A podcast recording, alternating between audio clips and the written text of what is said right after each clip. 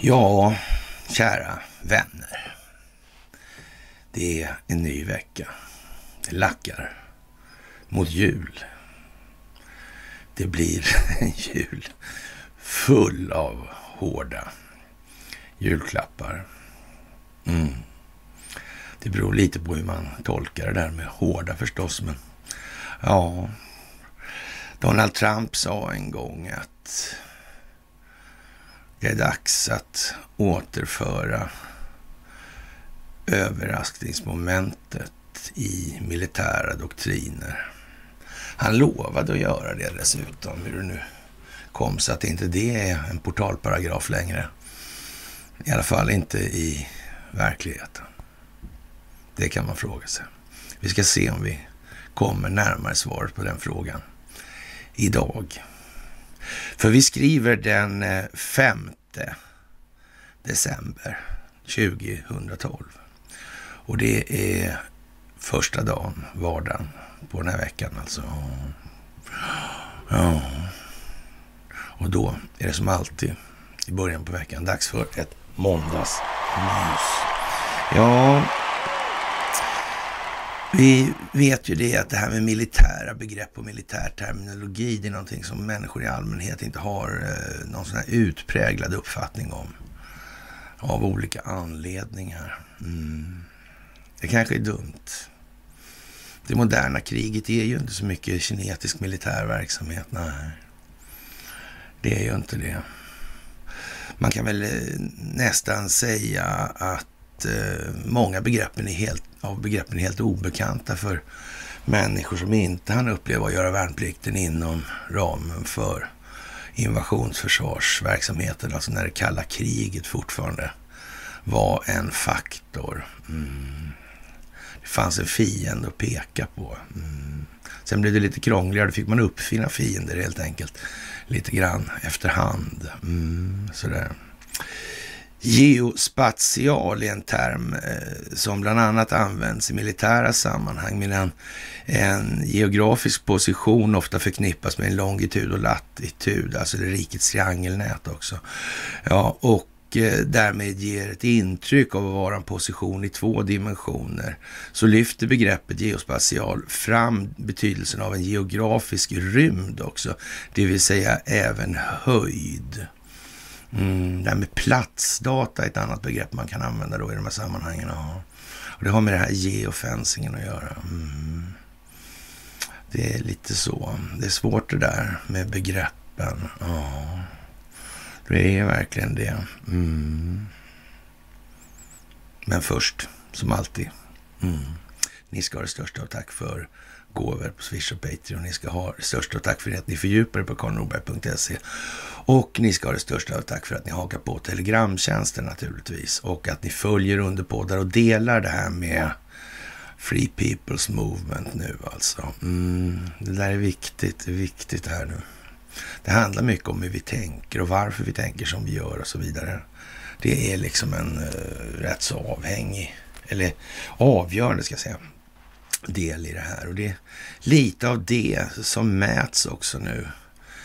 Så de här artificiella intelligenserna, eller de här datorerna då, mm, räknar på hela tiden när de gör sina preferenskartor. Det där blir lite sådär, ja, vi kommer tillbaka till det, vad som eh, med rätt så god sannolikhet utgör en, eh, ja, markör för en brytpunkt. Det går kanske inte så mycket lätt längre och som en konsekvens av den typen av mätningar har det pågått liken, liknande över hela planeten naturligtvis. Ja. Det är ju det alltså. Mm. Det handlar om ett folkbildningsprojekt. Mm, jordens genom tiderna största folkbildningsprojekt. Det handlar om eh, att det är grundat på en amerikansk stingoperation mm, som är koordinerad globalt för att motverka den djupa staten. Ja, att tänka sig konstigt. Väldigt märkligt det här alltihopa. Ja. Det måste man ju ändå säga. Och vi kan väl börja lite hemma vid då för att och, eh, takta in på det här ämnet lite grann nu då. Och, och vi kan ju konstatera då att eh, det här med Calcutta, det verkar vara liksom en eh, ändå hela tiden. Det är ju konstigt det där när Bodil Hansson tar dit kinesiska delegationer och, och förhandlar om eh, de mest strategiska eh, förträngningarna för strategiska varor och information i Sverige. Och Säkerhetspolisen säger ingenting. Är inte det konstigt? Lite konstigt är det allt. Uh, det, är eh, nog, det känns nästan som någon har sagt åt dem att hålla näbben alltså. Det är väl lite åt det hållet då. Kan man nästan tycka. Och i Sundsvalls Tidning idag så står det så här. Det är en helt vanlig onsdag. Det är sent på eftermiddagen i april 2020 när Skifus styrelse strålar samman på Storgatan 22 i Sundsvall. Alla vet på mötet att de har ett viktigt beslut att hantera. En skandal hotar att brisera och det vill man tydligen inte ha då. När de sedan skiljs åt efter ett möte som varit en timme och 40 minuter har de fattat beslut som fortfarande två och ett halvt år senare väcker frågor. Så hade de inte koll på det då, tro?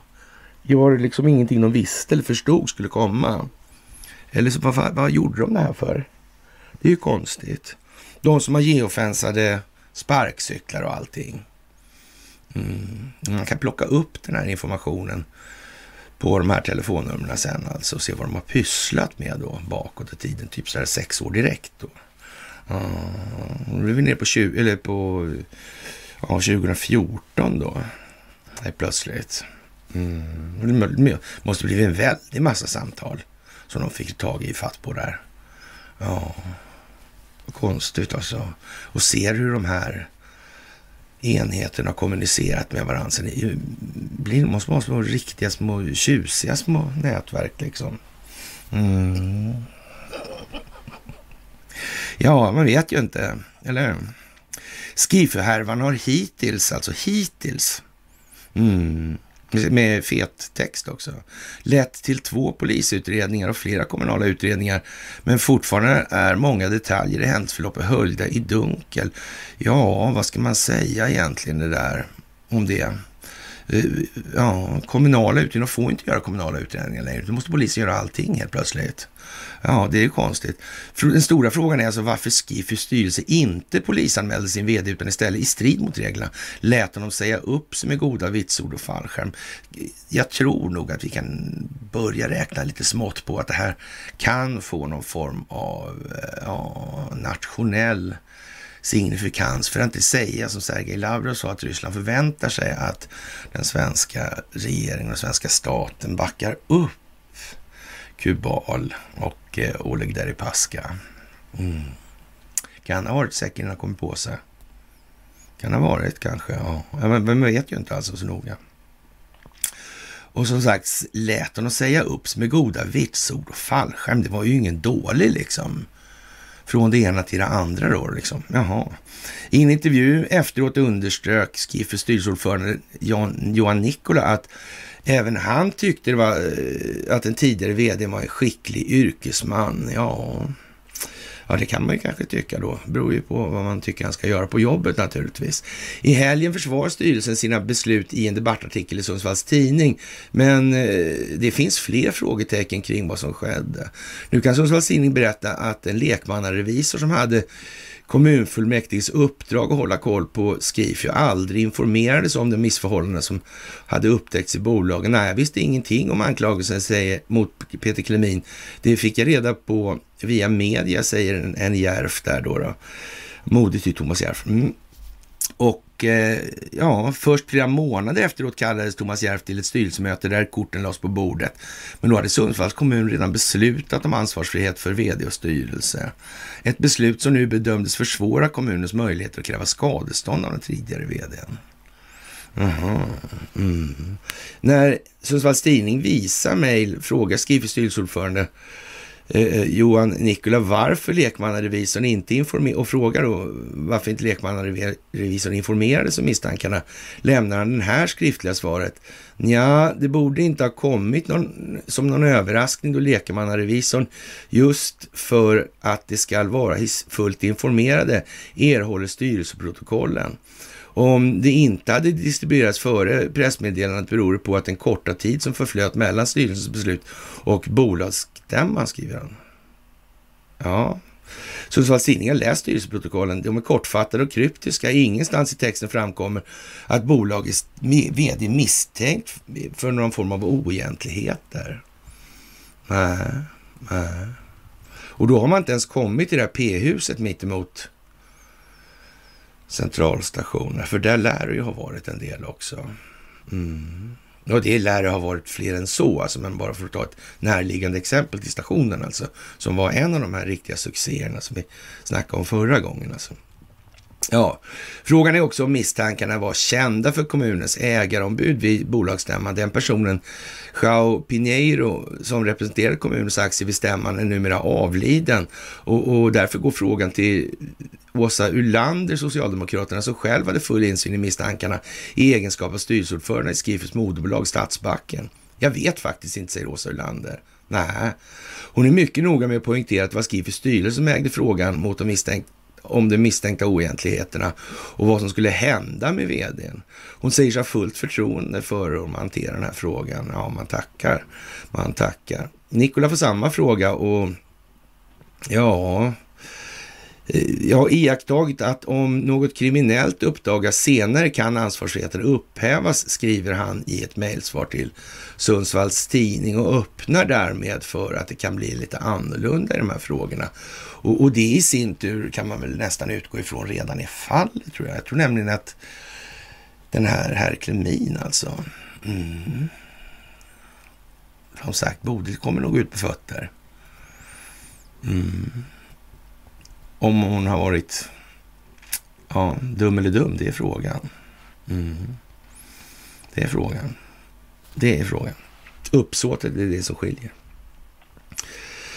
ja, styrelsen hade, styrelsen hade i alla fall förlorat förtroende för honom, men man gjorde ju samtidigt bedömningen att det inte fanns tillräckligt mycket att göra en polisanmälan och det ska ju till mycket för att man ska gå emot de auktoriserade revisorernas rekommendation och inte bevilja någon ansvarsfrihet, säger Åsa Ölander. Tycker du att Skifus styrelse är kompetent att avgöra om det ska göras en polisanmälan? Eh, ja, absolut. De gjorde ju den bedömningen, jag litar på deras omdöme, när de senare fick reda på ja, vad som hade hänt och fattade beslut om att polisanmäla då i, i några delar. Mm. Det skulle dröja åtta månader innan polisanmälan gjordes och, och, frågan som hänger i luften är varför inte expertmyndigheten på brott, polisen, larmades redan när styrelsen först informerades om de misstänkta oegentligheterna. För hade de utrett det där och funnit att det var inga oegentligheter hade det spelat någon roll. Nej, det kanske är bättre så ja. Men det gjorde man inte av någon anledning. Vad kan det vara för någonting då? Ja. Ja, vi läser vidare och ser. Eh, så här förklarar Johan Nikola det här, den här saken tidigare. Vi gjorde en bedömning i styrelsen tillsammans med en jurist att det inte skulle räcka till en förundersökning. Det var vår uppfattning. Vi tyckte att vi inte hade tillräckligt bra på fötterna. Och frågan blir då, vem var den här juristen egentligen? Ja, det, det, det när Sundsvalls Tidning återkommer till Nicol och ber dem förtydliga vem det handlar om egentligen så får de mejlsvaret. Alltså vi har en styrelseledamot som är gedigen juridisk kompetens som också deltog i beslutet. Ingen externt anlitad jurist användes. Något namn nämns inte från Nikolas sida, men beskrivningen passar in på dåvarande styrelseledamoten i Skifu, Anders Odmark, Liberalerna, som till vardags är kammarrättsråd och vice ordförande i kammarrätten i Sundsvall. Han deltog vid beslutet, berättar han, men, men som vilken ledamot som helst. Så då kan vi ju kort, utan att lägga något i, i det här värderingsmässigt, kan vi säga så här, ja vad skulle han säga oavsett vad det är? Det kan man inte förvänta sig att han skulle, platt skulle lägga sig ner och erkänna, det tror jag inte är fallet. Det, det, därtill tror jag han är lite förslipad, men jag kan ha fel där också. Jag vet inte faktiskt. Men det lär vi få se nu, för nu blir det ju åka av här. Och eh, ja, eh, vad är det för med den här liran då egentligen? Kan man ju verkligen fråga. Och eh, Eh, var det då han som stod för den juridiska bedömningen av de här uppgifterna som fanns på bordet då?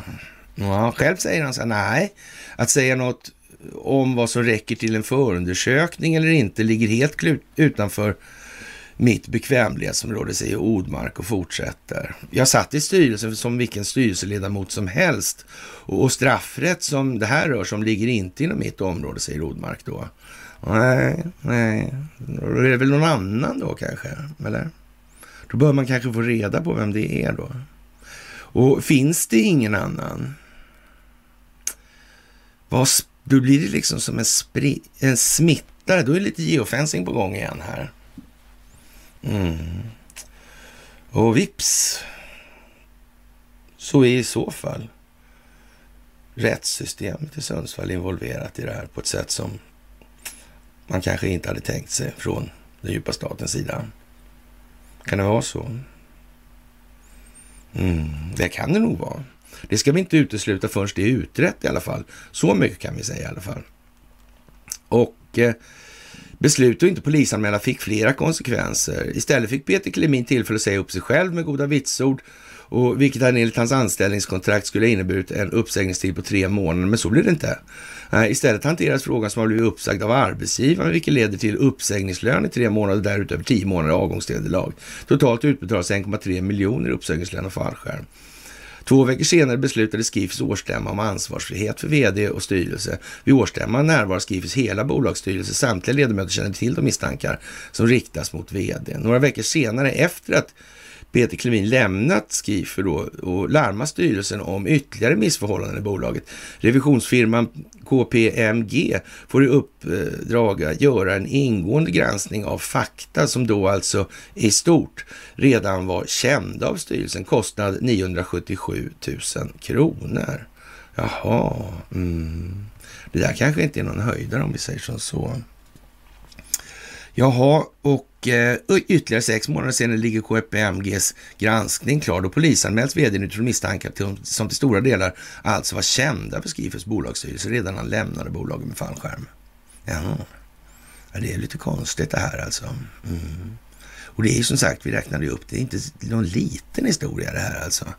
Statsbanken har också i efterhand beslutat att misstanke om oegentligheter ska polisanmälas i syfte att öka transparensen och kontrollen över hur skattemedel används. Mm.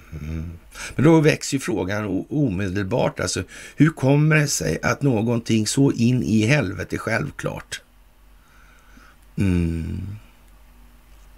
inte har genomförts? Och då växer ju nästa fråga. Vad fan, kan det vara så på fler håll? Är det här liksom ett fönster på något sätt? Något vis? Är det riggat? Är det ett Sassman-fönster? Finns det en följd, en konsekvens, en händelseutveckling som kommer i ljuset av verkligheten som en konsekvens av det här då? Är, är det så Också? alltså? Jag vet inte. Det skulle kunna vara tänkt så. Mm.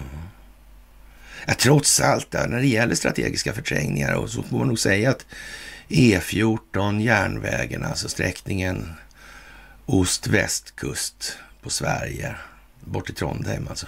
Ja, mm. Och Atlantkabeln, Atlantfibern där. Det är ju tre hyfsat viktiga strategiska förträngningar, det får man nog fan säga alltså. Ja, ja jag vet inte. Det, är, det kan vara rena turen eller oturen kanske, rent utav. Jag är inte säker riktigt på vilket det är alltså. För tur vet jag vad det är i alla fall. Ja, så är det ju. Och det, det är ju märkligt att det ska behöva bli såna här dramatiska prylar. Är det inte det? Jag tycker nästan det alltså. I, samtidigt som det här händer, händer det något konstigt. Ja, Swedbanks tidigare vd Brigitte Bonnesen som åtalas för grovt svindleri och röjande av insiderinformation begär nu 10 miljoner i ersättning för sina privata försvarare. Det var ju en rätt så saftig summa skulle man väl kunna säga. Ja, och, och ja, jag vet inte. Och kostnadsräkningen har lämnats in till Stockholms tingsrätt. Rättegången mot Swedbanks tidigare vd Bonnesen alltså har avslutats nu och nu begär hon ersättning för advokatkostnader totalt ja, eh, 2305,5 timmar, alltså det är 8 miljoner spänn då. Och, och närmare bestämt, nej, 8 miljoner 69 250 kronor före moms. Alltså. Och, och, det är ju rätt så mycket pengar. Det är nämligen Swedbank också som betalar det här och betalar ersättning för försvar, försvarsarvodet då. Och Ja, och utlägg då. Banken får i sin tur täckning för kostnaderna genom sitt försäkringsbolag. Brigitte Bonnesen har förbundit sig att begära ersättning för sina rättegångskostnader och återbetala eventuell ersättning till Swedbank AB. Mm. Den totala summan för yrkandet eh, för arvode uppgår alltså till 10 086 kronor. Mm. Eller 10 miljoner 865 062 kronor. Så, ja, som sagt eh, Bergenstein och eh, Samuelsson och skriver att eh, arvodesnivån är skälig och pekar på att målet rört komplicerade ekonomiska och rättsliga frågor och eh, ja, och, och särskilt kvalificerad kompetens och erfarenhet. Alltså vilka krav är alltså med råge uppfyllda i det här sammanhanget, såsom komplicerade ekonomiska och rättsliga frågor samt extrem massmedial bevakning. Och det får man kanske hålla med om. Kostnadsräkningen är sparsamt beskriven, vilket är ovanligt i denna typ av handlingar. Och det här är, är värt att notera nu alltså. Försvaret förklarar detta med att Swedbank AB av advokatetiska skäl har intagit ståndpunkten att man inte vill ha del av de här detaljerade arbetsredogörelserna eftersom det skulle ge banken en icke önskvärd insyn i Bonnesens försvar. Förlåt? Okej, okay. Det, det är lite lustigt. Och, och ja, eh, vi delar den bedömningen och eh, den kvarstår alltjämt, åtminstone tills lagakraftvunnen dom i målet föreligger. Alltså. Åklagarna Ted Murelius och Thomas Langroth den sedermera brukar förekomma i olika sammanhang, ja, som har föreslagits att yttra sig om kostnadsräkningen uppger dock att det inte är möjligt att yttra sig över kostnadsräkningen utan en mer detaljerad beskrivning av utfört arbete. Åklagarsidan hemställer därför att försvaret föreläggs att inkomma med en komplett arbetsredogörelse i målet. Ja, det handlar väl om det där var lite grann som det här med John Durham, va? Var det inte det? De vart ju frikända, men det handlade om att få in de här vittnesmålen på något vis i den rättsliga hanteringen i rättsprocesserna så att det blir rättshandlingar av det som sedermera kan användas på något sätt. Det här verkar kunna smitta av sig på något vis. Det verkar också sådär lite samma tema där som Skifu på något vis. Någon nivå upp kanske, men samma grej ändå alltså. Mm. Försvaret ska inkomma med svar på åklagarnas yttrande senast under morgondagen. Vilken kort, eller lång menar jag, förlåt. Vilken lång förberedelsetid då. Mm. Ja. ja, det var ju konstigt. Det var ju konstigt. Man kanske gjorde så för att få upp det här i ljuset av verkligheten. Kan det vara så? Mm. Det kan man ju tänka sig. Och nu har vi som sagt överraskningsmomentet. Vi har den här geospatiala datan. De här uh, människorna, eller vad man ska kalla dem för, i, i Ukraina som företräder Ukraina på vad som ska föreställa en, en eh, reguljär kinetisk militär verksamhet, alltså som inte är någon reguljär kinetisk militär verksamhet utan är något jävla legoknäkteri. Mm. Ett gäng lirare som åker runt jorden och krigar mot betalning och ja, gör övergrepp på civilbefolkningar här och var. Va? Heter man inte Isis och Al-Qaida ena dagen så heter man Azov-bataljon eller något annat nästa dag. Det verkar vara ett bra gäng. Hur får man stopp på den där verksamheten? Man säger åt dem att sluta och sen händer det inte så mycket mer. Eh, nej, eftersom kulissen gäller ju då att det är länder som krigar mot länder så är det ju oerhört svårt att, att liksom... De finns ju liksom inte registrerade på det viset av ganska lättförståeliga skäl med avseende på den målsättningen och syften de driver verksamhet med. Det kan man ju fan tänka sig. Mm. På tal om vart tar alla pengarna vägen som går till Ukraina? De ska ju ha lön de här. Det där är ju fantastiskt alltså.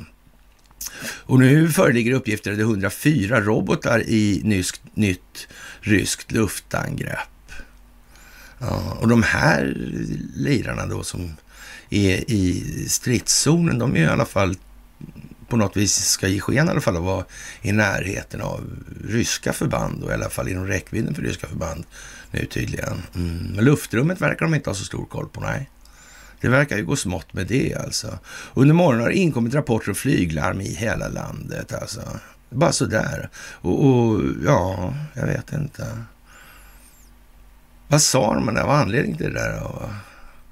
Neutralisering alltså. Avnazifiering. Komma till rätta med biokemiska labb och vapenfabriker. Mm. inte det konstigt? inte det konstigt? Är det konstigt det här med, med, att Sverige har globalister som finns i de här sammanhangen? Mm. Det är ju jättekonstigt, eller inte ett skit konstigt längre. Enligt obekräftade uppgifter till The Guardian kan det röra sig om 104 robotar från totalt 13 flygplan som är i farten nu i de här sammanhangen. Man röjer alltså inga eldställningar på, ja, för indirekt eld här nu i det här skedet. Äh. Utan man kör precision här helt plötsligt nu. Mm. Ja, vi får väl se vad det blir av det där. Men det verkar som att Donald Trumps ord håller på att bli lite bevingade. Det är någon form av överraskningsmoment som kommer här. Mm. Det är ju det. Och det här flaggandet med den här invasionen som ska komma. Och, och ja, väldigt märkligt alltså. Mm. Undrar om det var så liksom i världspressen innan D-Day där i Normandie. Att eh, Adolf Hitler kunde läsa i tidningarna var det här skulle ske någonstans och sådana här prylar. Ja. Å andra sidan kan man väl säga med ja, Adolf Hitlers arbetsbeskrivning från sin finanssida, eller sin finansierande sida, så kan man väl nästan tänka sig att ja, det blev vad det blev helt enkelt. Nåja, så. Och eh, det här är ju naturligtvis jättespeciellt. Det är ju bara så. Reguljär militär verksamhet alltså, och det kan aldrig vara ett överbetyg ur ett folkbildningsperspektiv. Och där har vi dagarna ja, till ära här då. Ja, 150 missiler på väg mot Ukraina sägs det vara nu då. Och hur mäter man då? Det här handlar om ett folkbildningsprojekt, så vad har det med varandra att göra här? Jo, det blir ju då, man gör ju någon form av skattningar av de här preferenskartorna. Är det läge för det här? Går det för långsamt? Går det för fort? Kommer det här hålla med den strategiska planeringens tidtabell? Alltså, missar vi tåget på perrongen då helt enkelt? Om det går för sakta? Det kan man ju fråga sig alltså. Ja, det där är ju lite sådär eh, märkligt alltså. Och det, det ligger väl lite grann i farans riktning just nu att det blev ett IG på det här senaste eh, det här lilla memet som man körde då. Det, det, känns som att det kan vi nog nästan utgå ifrån att det blev. Det här med att man, eh, ja, så att säga tog sin, sitt födelseår och, och sin egen ålder och la ihop dem och så fick man slutsiffran 22 då. Eh, man ska, man, skulle bli, man ska bli grymt orolig om det blev något annat, om man säger som så. Men problemet i det här det är ju att, eh, ja, att inte inse att summan alltid blir siffran på det innevarande året. Det, det kan man säga, så här, det, det, blir förmodligen inget stort eh, VG i vart fall inte. Det var inte MVG-varning på det alltså, eller möjlighet på det, det var det inte. Ja, det var helt jävla värdelöst alltså. Och, och beklämmande och jag har inte kommenterat det där då av det skälet. Såklart inte. Så, alltså det där är... Och, och sen skylla och peka på dem då som är numerologer och ta fasta på det här. Ja, det är ju inte just så jävla mycket bättre om man inte talar om varför. Men det är ju liksom lika korkat det och det här med pekandet. Alltså, jag, de bedöma. Ja, men du verkar inte så jävla smart själv heller. Sådär. Nej. Och var så säkra alltså att just den typen av värdeladdning och signalverkan noteras av den artificiella intelligensen. De mäter oss nu alltså. Hur fort kan utvecklingen gå framför den är planerad? Ja, den kan ju inte gå fortare än vad vi hänger med eftersom vi måste så att säga ha en förståelsemässig uppbackning av det som sker. Vi måste utgöra det alltså. Och då måste man göra sådana här mätövningar. Ja, och det här blev väl inte sådär in i helvete bra alltså. Så nu luktar det alltså spelväxling till mera påtagliga reguljära former. Och det ser vi då till exempel i Ukraina. Här och nu. Det verkar precis som att eh, på annat håll så, så, tycks det finnas vissa idéer om, om temat i ja, samma anda då. då. Och det handlar ju då naturligtvis om USA och den amerikanska militären. Och vi har ju i, ja jag vet inte, men, men en, en evighet i alla fall så har ju vi sagt, och de har fuskat så mycket de kan såklart, alltså i alla sätt och hittat på några nya också som ingen hade kommit på liksom. Mm. Så är det ju absolut. Alltså. Men eh, ja, militären har ju alltid funnits där bakom och, och, som vi har sagt, vi har ju hoppats då att vi ska slippa det är att upplysning till ledning och vidare upplysning och ledning ska så att säga ta det här i hamn under ordnade former. Med ett litet sådär stick i ryggraden så känner liksom det där. Jag, jag sa ju trots allt det här med överraskningsmoment och militär verksamhet. Det låter ju liksom inte exakt som folkbildningsprylen liksom. Men frågan är nu alltså, är då eh, världen globalt sett? Är den mogen för då någon form av militär verksamhet som inte blir uppfattat som rena jävla militärkupper? För då är det kört också om man inte har befolkning. Men eh, naturligtvis, de här datorerna räknar mycket, mycket bättre på befolkningars preferenskartor än vad någon, någon annan kan göra helt enkelt. Det är bara så. Och där kan, behöver väl inte vara så där jätteoroliga kanske. Men eh, ja, det är ju naturligtvis trevligt om det går så med så lite friktion som möjligt ska jag väl säga också. Och paniken är ju alltså rätt så stor nu inom de djupa staterna. Alldeles, alldeles, alldeles säkert. Och yvigheterna vet ju liksom inga gränser faktiskt. Och Elon Musk gör ju sin del i det här kan man väl blygt säga då. Och, säg, och angående det här med Twitter till exempel då. Mm, vad innebär det där nu egentligen? Och det innebär ju liksom att de här plattformarna eh, som entiteter har ju varit liksom den djupa statens projekt hela tiden. Det vet vi ju alla numera och, och har vi ja, lyckas upplysa vidare om då eller leda vidare i det här. Så det kan alla konstatera det, ja men så är det ju liksom. Och då är det ju frågan om, ja då ska vi byta då och så vidare och, och då har jag poängterat några gånger att vi ska nog inte försöka värva nya spelare i det egna omklädningsrummet. Alltså det, det ger sämre effekter än man tror alltså.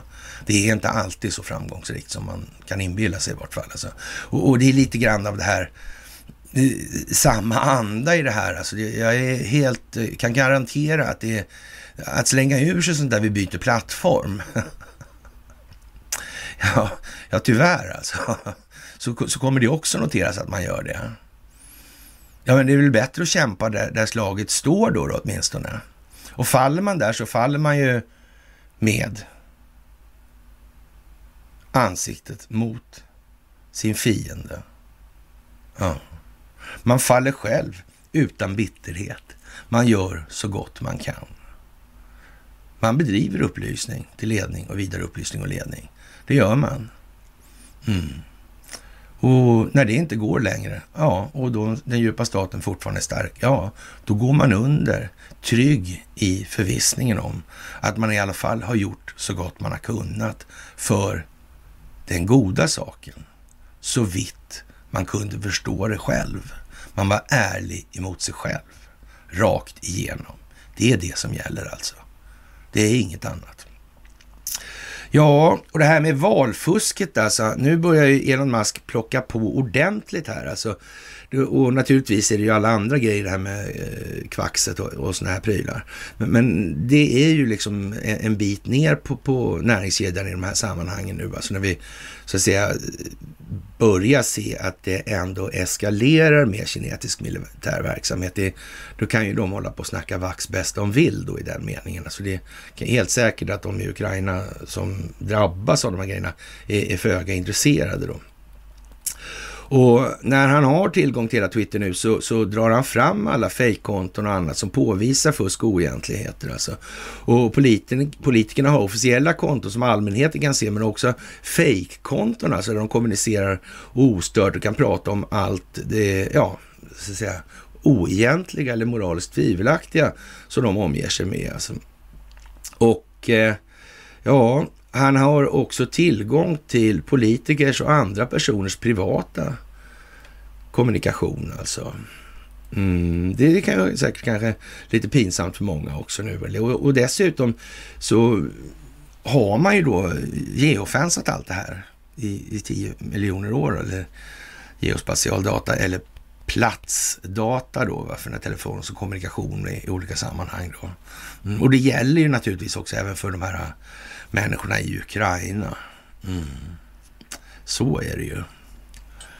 Så det är ju liksom, och, och, om man ska vara ärlig då, eller om man, det ska man ju vara, men eh, lite mer krass mot sig själv då, säga så här, men tror man på allvar då liksom att, eh, ja, de har inte liksom lyssnat av det här hur länge som helst och, och som kartlagt det här hur mycket som helst. Alltså, och det var väl ändå så här att om nu den militära delen i det här klev in rent, eh, ja, så att säga, praktiskt operativt då, i, i samband med valet då 2016, där 3 november. Mm. Och det här börjar ju då liksom en mera öppen eller ja, modell på utförande alltså. Mm. Han, han sa ju öppet vad han skulle göra och sen så drain the swamp och så vidare. Så här. Det var ju mera klart inriktat och, och, det var ju liksom ingenting som fäste ändå i västerländska medier. Vi kommer ju inte ihåg eh, det är inte ingen snack om, liksom, om det har stått flest gånger i Aftonbladet, Expressen, Svenska Dagbladet, Dagens Nyheter att Donald Trump är orangehårig och dum. Alltså, än eh, om att försöka reda ut vad den här frågan om den djupa staten, vad är det för någonting? Finns det en sån? Eller så? Finns det någon korruption som är organiserad på något vis? Om vi tar då exemplet som vi tar idag, så här, tycks det finnas då eh, en organiserad form av korruption i Sundsvall till exempel, Calcutta. Så. Mm. Där, där politikerna, hela kommunstyrelsen har gaddat ihop sig. Och, och dessutom tycks det ingå, i alla fall per muntlig utsaga då, eh, ledamöter ur kammarrätten där. Men när blir det organiserat egentligen det här, om de känner till det? Och ändå gör på ett sätt som de inte borde. Vad är det för någonting då? De gjorde det för att vad då? Gynnar de själva på något sätt det här? Hur många andra anledningar kan det finnas att man väljer att göra på det viset? Vad kan det handla om det här? Det handlar om folkbildning. Det handlar om att människor ska se, uppleva, förstå, känna, välja att förändra sina egna känslogrunder. Nej, kommunen är inget bra alltså. Det är fan ställt bortom alla rimliga tvivel. Det är ingenting. Det här måste man ju liksom göra om och göra rätt. Och kan det vara det som är meningen? Mm. Kan det vara det Bodil Hansson håller på med förresten, by the way alltså? Mm. Mm. Verkar farligt det där med att investera i Sverige ifall det går till på det där viset. Verkar ju jättekonstigt alltså om kommunerna håller på på det där sättet. Det kan ju inte finnas en jävla kommun, för det skulle ju kunna vara så att det här faktiskt finns i flera kommuner än Sundsvalls kommun. Mm.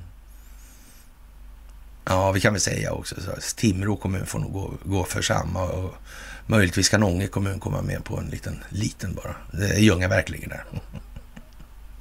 Ja, men så liksom. Ja, ja. Mm. Det sitter liksom i, i, i, ja, i bergmalmen nästan. Inte i färgen eller tapeterna eller sådär på husen. Nej, det är nog mer än så. Det är djupare liksom. Djupt går kärlen här i nord tror jag faktiskt han, ja, och sanna mina ord i krig och politik som har fördärvat vår jord. Det Evert Taube, va? Mm, mm. Här är den sköna sommaren. Tror jag är en bra låt att kunna som svensk faktiskt. En, ja. Jaha. Det är, ja, jag vet inte. När man, när man eh, ser det här nu och Eh, framför sig. Donald Trump har ju rätt när han säger att vi befinner oss i ett utan motstycke skakande territorium alltså. Och, och, naturligtvis är det så, gräver man upp all korruption som finns och ser eller så mycket man har förmåga till i vart fall, som man vet att man klarar av att hantera, ja då hamnar man väl på ett ställe där man aldrig har varit förut. Det tror det vara så alltså. Och eh, Ja, det betyder att vi alltså, utan motstycke ett onormalt handlingssätt måste vi hantera det här med alltså. Och han bygger upp åtgärdssidan och menar alltså att det finns bara ett sätt att angripa de skakande, skakande fakta som ligger framför oss i det här alltså. Och, och det blir alltså tolkningen genom att det blir militären alltså. Och där har man alltså mätt då den allmänna medvetna medvetenheten i den delen. Det är för jävla trögt att inte fatta att man ja, lägger till sin ålder på sitt födelseår så hamnar man på år, det innevarande året om man lever alltså. Det, det, det är för jävla lusigt alltså. Det, det måste man. Eh, och, och, att utgjutas över de som inte förstår det. Nu är inte jag, jag utgjuter mig inte, jag beklagar att det är så. Alltså, för jag eh, gör ju det jag gör i det här också. Och jag kan väl säga så här, jag ser det inte som något litet misslyckande i den delen alltså. Det gör jag inte. Jag trodde i min enfald att igen alltså, lite Krygervarning nästan på det här alltså. Ja, lite krygerfeeling i vart fall. Ja, jag vet inte. Som sagt, det här är stort alltså.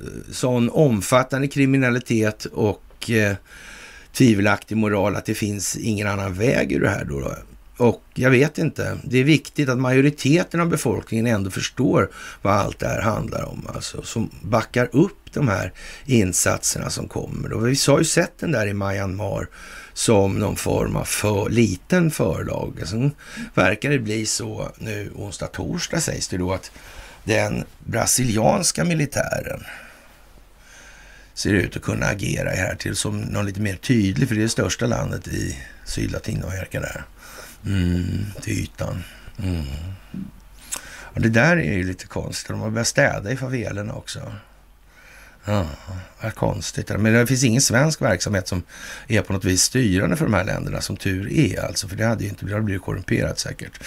Ja, och eh, ja, skulle inte allmänheten känna till förutsättningarna, då är det liksom Ja, då är det fara och färdigt. Då är det lätt. Alltså, det, men den bedömningen gör alltså datorerna i form av de här preferenskartorna. Sen, eh, ja, må det vara så att det inte är hela världen då för att vi eh, springer bort oss som befolkning betraktat på den här typen av larviga övningar. Eh, som är bara egentligen mätövningar på det viset. Hur reagerar folk på det här liksom? Jag menar folk som reagerar känslomässigt och tror att det är rymdödlor, Rothschild och judiska konspirationer och hej och hå liksom. Ja, de är liksom, ja. Men det, då man kommer ju alltså hamna i en schattering där man i princip räknas som inte allmänt tillräknelig ändå. Då. Ja, man är ju uppenbarligen affekt och, och så. Och man tänker inte klart, man tänker inte kallt. De flesta vet ju liksom att den egna åldern lagd till födelseåret blir det innevarande. Det, det är som inte sådär, det är inte kryptiskt svårt. Det är det inte. Det är nästan lite lätt faktiskt. Ja, och, och ja, sådär. Och vi ska veta att den militära underrättelsetjänster har alla data, alltså alla uppgifter, all dokumentation över allt vad de här kriminella har gjort. Alltså det här är ju ingenting man har underlåtit i något, på något ställe som har någon form av Eh, signifikant avgörande betydelse. Alltså. Det har man inte gjort, det är helt säkert. Och, och, om man då ska ta Mike Pompeo på orden så säger han ju så här då att ja, eh, Sverige, höll jag säga, men Ericsson är ett nationellt amerikanskt säkerhetsintresse. Och, och möjligen kan han ju liksom mena vad han sa den gången också. Och sen tror jag det är lite grann det här med när man tog befäl över Ericsson från Department of Justice. Det var nog liksom, många av de här grejerna hänger samman alltså, även om eh, man försöker bortse från det från många håll alltså. Mm. Och det kommer ju nu naturligtvis, eh, ja, trollfarmerna och så vidare, de, de är ju vad de är då i det här. Men de, trots allt är det så här, man behöver liksom inte tycka så mycket om människor som beter sig på det där konstiga. Så man kan liksom nästan skita i det. Ljuset från verkligheten kommer ju ändå nu och de spricker och det kommer synas vad de har sagt. Det är ingen idé att sudda på Twitter som politikerna gör. Jag antar att Anders Lindberg är tillsagd att han ska sudda för att det ska bli tydligt, till exempel. Mm, vad det här är för någonting. Och, och, att Facebook och YouTube inte skulle gå samma väg som Twitter i det här. Det verkar svårt att tro. Det verkar svårt att tro. Mm. Och TikTok, är inte det liksom det här med ByteDance och är inte det lite Nils Chen och sådär? Ja. Det är lite konstigt alltså. Och som avgår i Alibaba också, vad konstigt. Ja, men det är Jack Ma där alltså och Josef Tsai. Mm. Ja, ja, ja, Men det var någonting med borgmästarens råd där i Shanghai, tror jag. Det var lite, lite andra sådana här grejer med Nils Han, han kände nog Jakob, tror jag, lite. Wallenberg alltså. Ja, det kan vara så faktiskt. Mm, men han var ju också dessutom på Nasdaq. Det ska man inte heller glömma bort. Nej. Så är det ju alltså. Och eh, ja, det är en dramatisk vecka som kommer. Mer dramatisk än den förra. Ja, men nu vet det fan alltså. nu är det jul igen. Ja, ja, ja, ja, ja, ja, ja, ja. Mm. Och ja, vad gör befolkningen då? De lär sig att hämta upp information från andra källor då än de här etablerade som blir bedömda som värdelösa och tappar all så att säga opinionsbildningsmässig signifikans. De blir liksom obsoleta. De blir meningslösa. Ja, och eh, hörde vi face, face, eller fake news då rapportera om det här på, som hände på Twitter? Äh. Ja. ja, men det var väl Tacke Karlsson på Fox liksom. De har inte så mycket mer. Eh. Nej. Cervenka försökte ju lite grann sådär, men det är ju en artikel, vi kommer till den snart här. Och ja, vad ska jag säga? Det är eh, mer eller mindre pinsamt alltså. Och man kan väl säga så här att det man väntar in då, det är att man ska ha ett tillräckligt underlag för militär intervention. Och samtidigt måste man liksom mäta ut vad är motstånds inom befolkningen, vad är liksom tröghets insiktströgheten skulle man kunna säga att man möter. Och börjar man skicka ut sånt där som ja, den egna åldern från födelseåret betraktat blir det innevarande året och, och, och ja, stora delar av befolkningen går bet alltså. Ja, det är klart. ja, man kan väl tänka sig att det blir lite svordomar i alla fall. Det får man ju ha överseende med. Ja, så jävla nöjd kan man inte vara alltså. Men vi ber om ursäkt för att vi inte har gjort så gott vi har, Jo, vi har gjort så gott, så, så gott vi har kunnat och ja, det, det har vi ju inte gjort heller. Så det, vi får nog fan be om ursäkt ändå för det. Alltså, vi har väl kanske sovit en minut längre än vad vi, ja, var nödvändigt helt enkelt. Eller något sånt där, jag vet inte. Och dessutom gäller ju då, så att säga det här med Ja, Hunter Biden i USA. Alltså vad har man hållit på med där egentligen? Och då ser man heller ingenting i svenska medier om. Mm.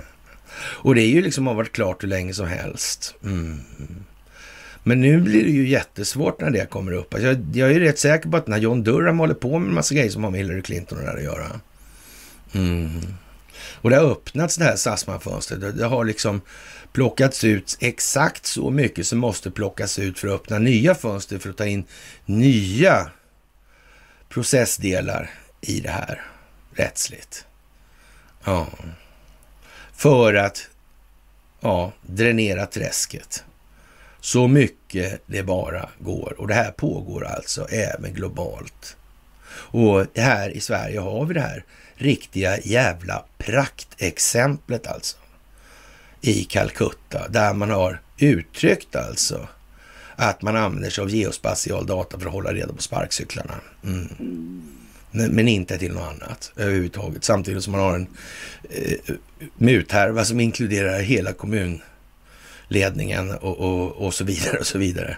Och, och numera även finns det indikationer på kammarrättsdeltagande i det här. Och, och det handlar om det alltså Eh, Sveriges viktigaste strategiska förträngningar, en av de tre punkterna som ska försvaras då av militär med kinesisk verksamhet. Men eh, jag vet inte, är det otydligt det här på något vis? Är det någon som tycker det egentligen?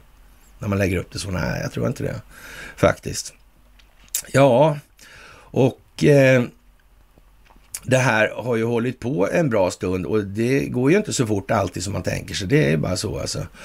Och det här med Hunter Bidens laptop, det, ja, Hillary Clinton, Barack Obama, FBI, justitiedepartementet och så vidare alltså. Det, det här är mycket speciellt nu alltså. Mm. Och alla vill ju inte höra talas om det här, det ska man ju ha glasklart för sig. Alltså. Det är så också, faktiskt. Och eh, naturligtvis, djupa staten har ju inte sådär jättemycket att göra i det här alltså. Och vad gäller den här historien med de här nazistiska ja, människorna då, färgade nazistiska människorna då som var på middag hos Donald Trump där så man ska nog inte ta den enkla lösningen i de här sammanhangen. Det kan ju vara så att det finns lite djupare liggande skäl och, och mer strategiskt genomtänkta planläggningar i rörelse nu här. Mm. Men meningen är alltså att det ska bli bästa möjliga för alla. Det är så. Annars är det liksom godnatt. Ja, och eh, ja, det är hållhakar och det är muter och det är det gamla vanliga alltså. Och ja, man säger från Elon Musks sida att han i anledning av att han drar fram de här hemska sanningarna från Twitter, att Twitter har varit med om att stödja valfusk i flera andra länder. Vi kan inte föreställa oss att det har hänt i Sverige faktiskt. Nej. Och med tanke på hur eh, Andreas Cervenka sågar Twitter i, idag då, så ja. Ja, ja, och, och så. Det, det, är väl vad det är då. Mm. Frågan är om han fattar vad han har gjort eller inte. Mm. Ur ett större perspektiv. Nu, nu börjar man känna liksom ja, lite vitriolstank där alltså. Mm. Mm verkar gå söderut för den. Ja, men eh, det får vi väl se om han har så att säga arbetat med det här eller inte då. Det återstår väl att se alltså. Min uppfattning är i alla fall att han inte sliter lungorna ur sig för att säga ifrån och det har ni väl sett på film också antar jag. Sådär. Och ja, man får väl eh, säga att eftersom valet visar sig innehålla så mycket fusk och bedrägerier eh, så är det ju liksom anmärkningsvärt att Biden såg till att CIA-agenter åkte ner till Brasilien och mutade flera tjänstemän så att den här Lula kom ut ur fängelset. Alltså där han satt Eh, ja, för något senare var då med i presidentval alltså. Jättekonstigt alltså. Bara in från fink, ut från finkis och så blev han president liksom. Ja, jag vet inte om det är tydligt på något vis eller om det är jävligt otydligt. Det kan man ju fråga sig i den meningen. Faktiskt alltså. Och befolkningen är ju inte imponerad. Eh, och militären är inte imponerad. Så där verkar det ju nästan vara eh, spantat och klart. Alltså bordläggningen verkar sitta på också. Nu sjösätter man skutan vilken dag som helst ser det ut som. Men, men eh, det handlar ju som sagt i folket ändå med så går det ju bara liksom av sig själv. Men nu kanske det behövs lite hjälp på traven då. Det återstår väl att se. Men eh, som sagt, ja. Det var väl inte så där jättelyckat det här med åldern och födelseåret alltså. Det var nog en liten bom helt enkelt. Mm. Ja, ja, ja. Och eh, mm, militären i Brasilien flyttar nu en hel del material, material då till olika områden runt om i Brasilien för att hålla det här stabilt då. Och, och, man kommer alltså inte börja skjuta utan man så att säga backar upp den protesterande befolkningen med sin närvaro istället. Och det var förmodligen vad som kommer hända i USA också då. Det kommer ju inte gå till den liksom handgripliga vägen då, så att Varianten alltså. Nej, det kommer det inte att göra. Och, och de som kommer då försöka stöka till det här, det är de gamla vanliga betal det är alltid betalmänniskor då i, i bakändan på det där. Det är konstgjorda folkrörelser helt enkelt. Ungefär som Lego, legoknektarna som nu är reguljära till namnet. Mm. Ja, det är ju lite speciellt och det här vad som händer i ja, Georgia till exempel eller vad som händer i Arizona. Det är ju ja, vad det är alltså.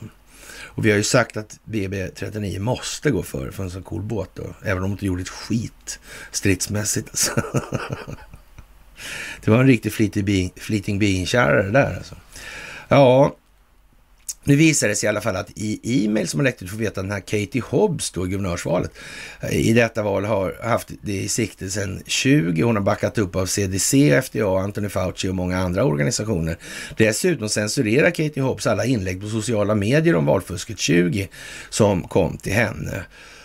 och eh, ja, hon försökte desperat att stoppa Elon Musk från att köpa Twitter. Hon misslyckades och nu exponerar Elon Musk allt hon ville dölja och ja... Eh, Department of Homeland Security säger att inrikesterrorismen kan ta fart nu som en konsekvens av det här. Och det finns våldsamma grupper som är beredda att skapa kaos och våldsamheter för att få ut sin frustration över den situation som USA befinner sig i. Ja, vilka kan det vara då alltså? Och det är som sagt det är Black, Lives, Black Lives Matter och det är BLM och det är neonazister och det här då. då. Mm, det är samma liksom hela tiden. Mm. Det är lite speciellt kanske man kan tycka då. Och som sagt, eh, ja, de har, militären har sin ed gentemot konstitutionen och befolkningen mm. i det här. Det är ju lite speciellt då när man har överbefälhavare som brukar vara president. Och det, hur det är med det där rent rättsligt just nu, det återstår väl att se. Men så att säga, spelordningen ser ut som den gör nu helt enkelt. Och läget ser ut som det gör. I så mått då.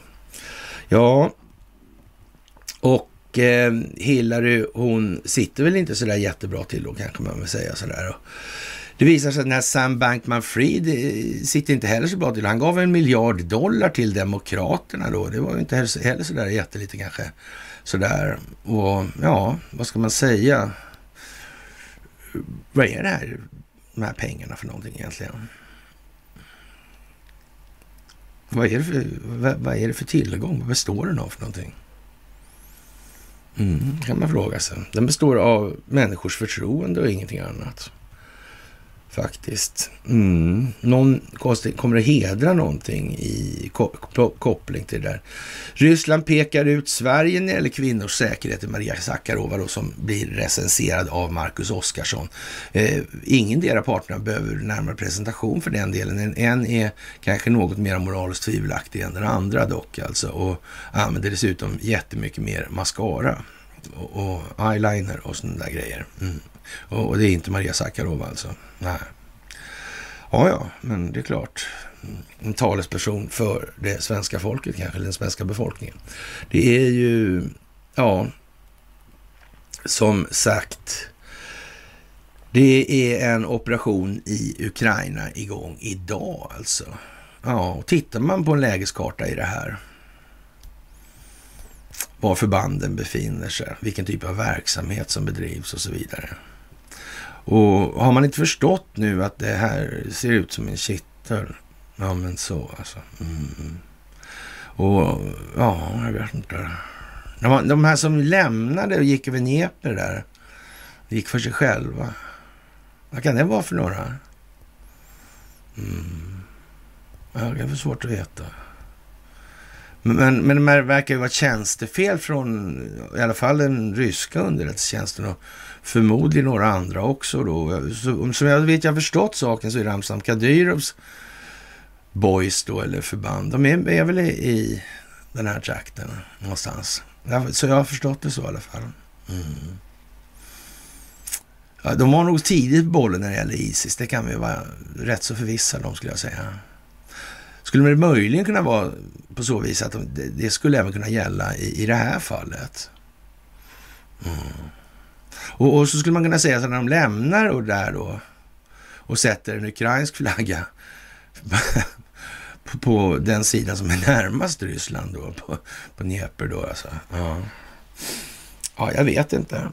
Va, vad skulle det kunna innebära för någonting? Liksom, det blir väl lite som tack för kaffet boys, vi drar. Mm. Då, då, måste man säga så här, det måste finnas en rätt stor uppgivenhet bland de som blir kvar där när några knallar mot Ryssland lite sådär på måfå eh, i spridda skurar eller verkar ute och promenera mera. Mm. Det verkar inte så. Då ska man kunna säga att det här skedde ju häromdagen då. Om det var igår eller? Mm. Möjligen förrgår kanske. Mm. Då skulle man nästan kunna säga i det läget, att då kan man ana att det kommer någon form av militär intervention i något sammanhang här nu. Mm. skulle man kunna säga, då kom det ju. Mm. Det är ju lite udda. Eller inte alls udda. Nej. Man kan säga så här, även om man har ett bra betalt som leoknekt eller sådär så, ja. Vad sa han om de här förrädarna? Bland på på platsen. Och nu verkar de instängda. Mm. Nu kan de svälta ihjäl. Eller så kan man mala ner dem med artilleri och nu kan man börja med alltså pinpointa. Med antingen flygplansartilleri eller luftbutartilleri och, och robotar. Ja. ja. det handlar ju inte om ytbekämpning sådär alltså. Nej. Så det är ju vad det är helt enkelt. Spännande. Jaha. Vad ska man säga om Edward Snowden som har blivit rysk medborgare då? Ja, han åkte ju utomlands en gång i tiden och hade med sig massa information. Mm. Admiral Rogers skickade väl ut Edward Snowden. Och har man inte förstått tidigare än nu, ja, att det här är koordinerat mellan de krafter som bekämpar den djupa staten i Ryssland och de krafter som bekämpar den djupa staten i USA. Ja, då tycker jag man ska stanna upp och tänka efter ordentligt faktiskt. Mm. Nu är det bara vad det är alltså. Nu är det bara vad det är alltså. Och ja, han släppte ju det här som var då med Swedish Kings och Cyberwar och allt det här. Och någonstans så Ja, Sverige har liksom hamnat tacksamt utanför med avseende på hur uppenbart inblandade vi ändå har varit i det här alltså. Mm. Vi och vi liksom. Ja, i den meningen att vi inte gjorde någonting åt det för att förhindra det. Det får man nog säga. Det ansvaret kommer vi inte undan helt enkelt. Och nu blir alltså Edward Snowden rysk medborgare. Mm. Ja, vad ska man säga? Vad ska man säga? Tror han aldrig mer vill åka till USA? Tror ni det? Det tror jag han vill. Ja, han kommer kunna göra det också dessutom. Hur skulle det gå, det gå till? Skulle de på något vis bli sams då, Ryssland och USA? Ja, hur skulle det gå till då? Ja, hur skulle det gå till? Kanske de redan är sams egentligen. Och resten är teater för att hålla kulissen vid liv för att kunna röka ut den djupa staten på djupet till sin fulla omfattning. omfattning. Ja, skulle det kunna vara så? Jo, det skulle det kanske kunna vara faktiskt. Jag tror det. Ja, ja. Och eh, som sagt, Carrie Lake, hon tackar Elon Musk för att eh, klargöra sanningen för hela världen alltså. Och det här riggade valet 2020 alltså. Och Big, take, eller Big Tech då tar marschorder från ja, vänstern då, och det, det, där är ju vad det är. Alltså jag, ja, de flesta vet, ni av er vet ju vad jag tycker om det där med att hålla på och tala om att det är olika eh, vingar på den här fågeln, men det är för fan samma fågel för helvete. Liksom. Ja, det är inte så att republikanerna saknar korruption. Nej, så är det inte. Men som sagt, det är anpassat för att eh, få effekt i rådande klimat allting. Det måste man också förstå nu. Mm. Och, och, i det fallet ska man helst inte skylta med att man inte förstår att ens ålder börjar räknas från året man föds då, så att säga. Ja. Och det är väldigt ovanligt att man har någon annan ålder än den man har i nuet. Mm. Men det... Ja, ni förstår själva hur det är nu alltså. Jaha, och FBI samordnar då den här stora tekniska censuren inför valet 2020. Och, och det säger då statsåklagaren i Missouri. Och också ett jävla coolt slagskepp för övrigt alltså. Mm. Och, och, den bärbara datorn innehåller information om Hunter Bidens utlandsaffär som verkar tyda på försök att sälja tillgång till hans far som var vicepresident. Och, och ja, FBI är ju vad det är och det är CIA också och vi brukar ställa frågan vad fan ska vi med dem till? Och då menar vi också implicit alltså vad ska vi med de svenska underrättelsetjänsterna till och har de pysslat med överhuvudtaget? Genom åren som har varit under förra århundradet till exempel. Ja, nu kom de ju inte så här förrän 30-talet i och för sig, men i alla fall inom öppet organiserad form. Men då dök det ju upp med Adlercreutz och gänget det där. Och Finns att läsa om i Willem Agrells. De där kan han inte mörka så gärna. De delarna, de är bra att ha dem i botten också kan jag säga. Och det, jag kan alltid titta på den här spionfabriken som innehåller delar ur det där också. Mm. Och vidare så har man kommit på nu också att man kanske ska ha knarkhundar inom kriminalvården, i alla fall förstärka de här då. Och ja, jag vet inte. Nu kommer man på det. Vad säger det här för något? Det är som Skifus, kommun, kommunstyrelsen där i Sundsvall och Skifu. Säger man här då liksom att man har av någon anledning som inte ens kan vara oklar då tidigare valt att bete sig på ett sätt som inte håller knarket borta.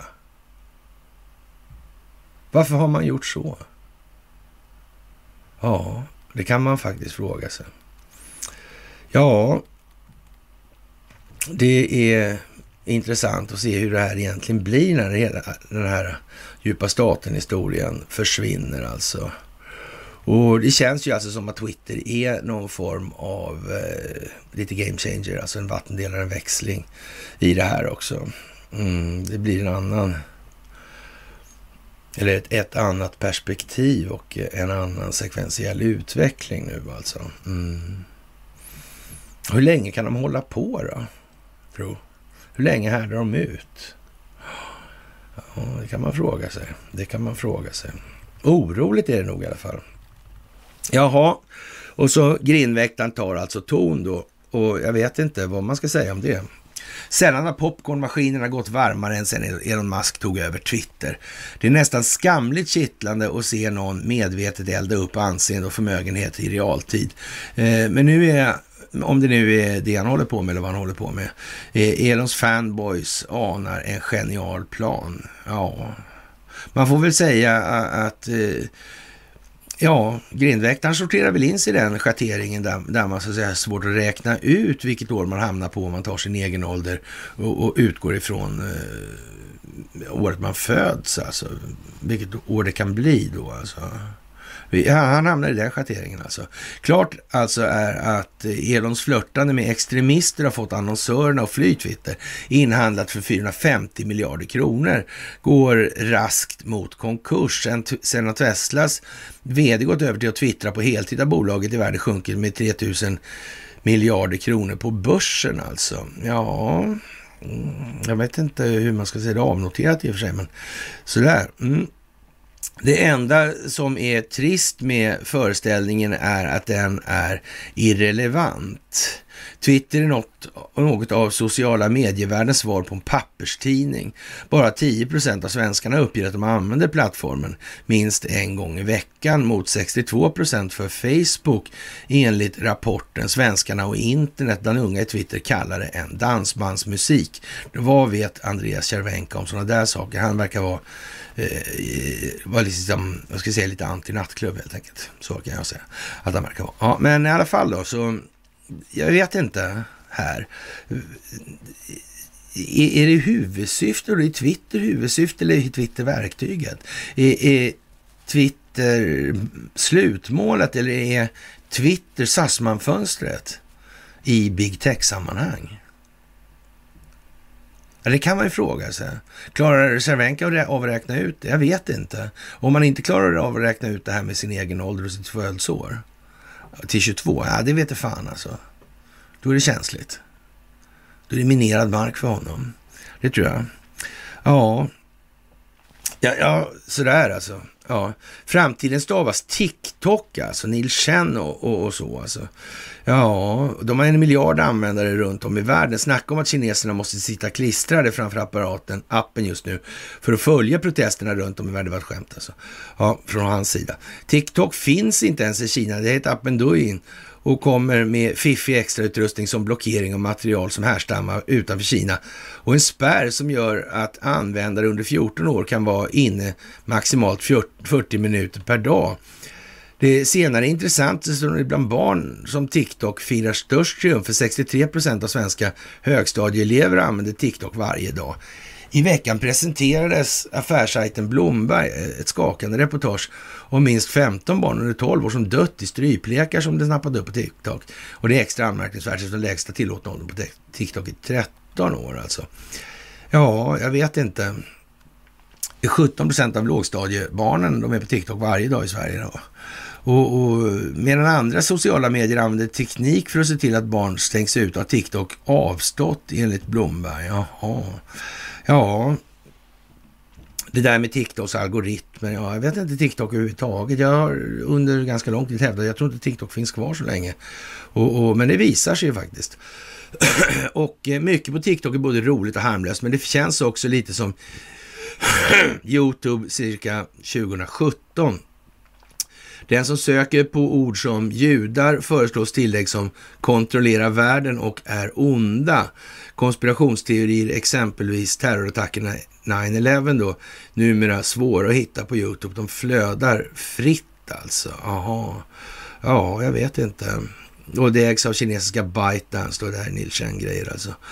Och ja, amerikanska tidningen Forbes avslöjade i veckan att partiets propagandaapparat nu har konton med miljontals följare på appen som sprider material om amerikanska politiker och tar upp kontroversiella ämnen som delar USA precis på samma sätt som Ryssland gjorde före presidentvalet 16 alltså. Han går liksom lite all in i det här och i, i somras avslöjade sajten Buzzfeed att ByteDance instruerat anställda att lyfta fram prokinesiska budskap i USA och, och censurera leverera kritik mot regimen och att Kina kunde använda TikTok-data för att fysiskt spåra amerikanska användare i USA. Nu pågår en politisk debatt om TikTok ska vara tillåtet i landet eller inte. Ja, jag vet inte alltså. Det är ju märkligt alltså, faktiskt.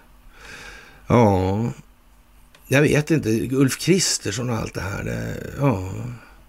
Och kineserna med sin hårda kontroll och sitt eh, Ja. Det där är konstigt alltså.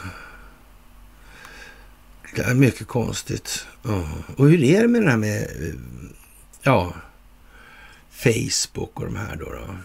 Det, det tycker ju Cervenka är liksom eh, väldigt sådär... Eh, ja, det är viktigt. Mycket större och sådär. Alltså. Ja. Men, men eh, tänk om det är så, alltså, att det är ett sånt här satsmanfönster det här då.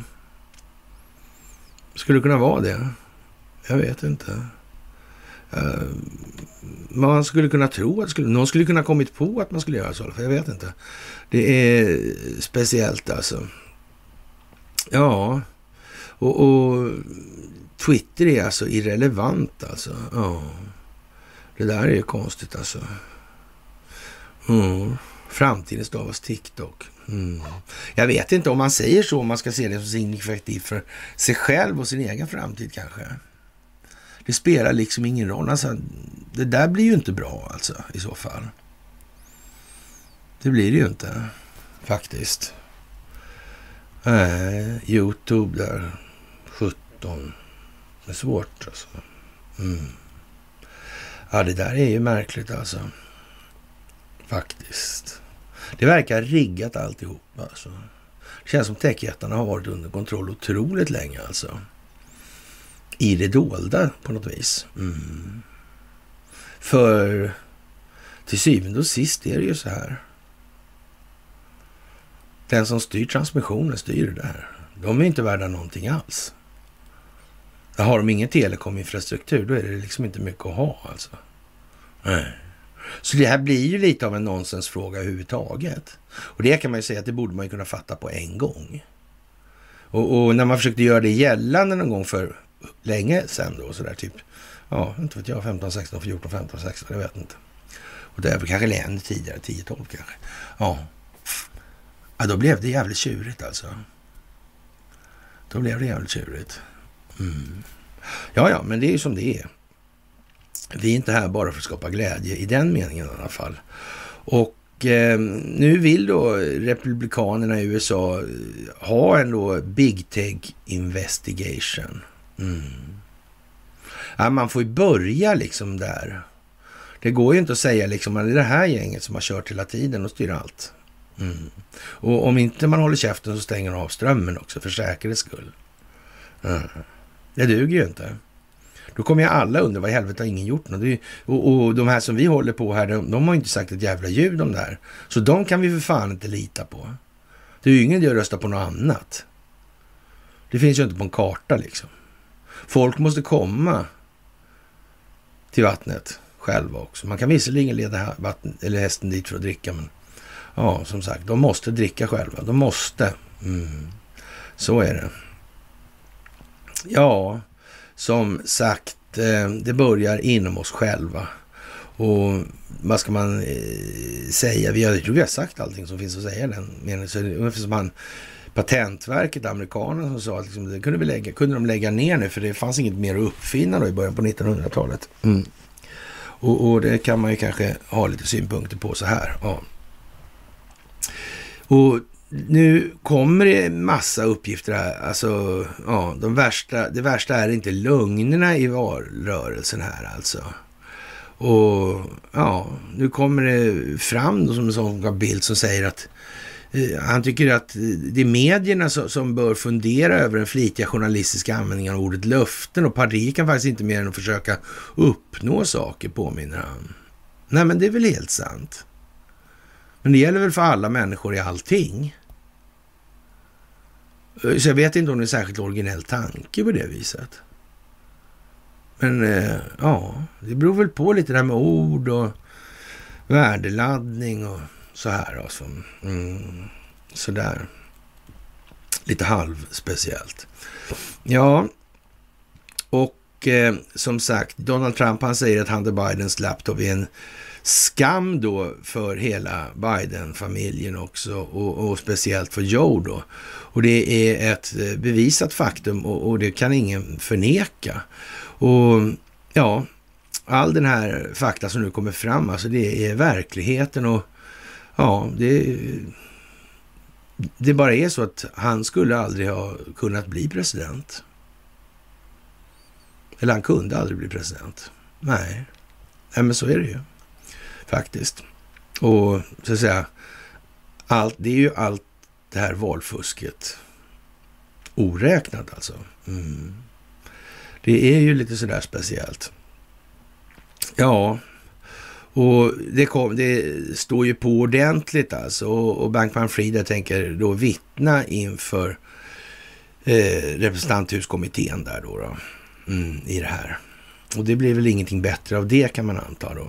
För det där känns ju som att det är riggat rakt av då, genom hela. Och svensken blir alltså medskyldig i de här dumheterna som till exempel med det här med postkodlotteriet, och sådär skit, den här jävla Rickard Olsson då sådär. Mm. Ja, ja, det är ju lite sådär, får man ju säga. Han heter väl det, han är längre. Jag tror, eller Rickard Olsson, han är från Gävle förresten, tror jag förresten. Är det inte så? Jo, jag tror det. Ja. Mm. Ja, ja. Eh, och eh, ja, man, man, kan väl hoppas då som sagt att det, trots den här ganska tydliga indikationen på att vi är mitt i vändningen här då, då idag. Så ja, att det går under ordnade former så, så där, alltså att det inte blir några jävla... Det är klart att det måste hållas på mattan mattan alltså. Du får inte segla iväg här nu, för nu, nu är inspirationen, nu flödar inspirationen här för att göra destabiliseringsinsatser alltså. Mm, så är det. Och eh, ja, det där är ju bara som det är i den meningen och eh, man säger från EUs sida att man tar och slänger på eh, lite eh, pristak på rysk olja. Ryssarna är inte helt överförtjusta och, och kommer inte att sälja olja till länder som deltar i den här typen av muntrationer. Nej.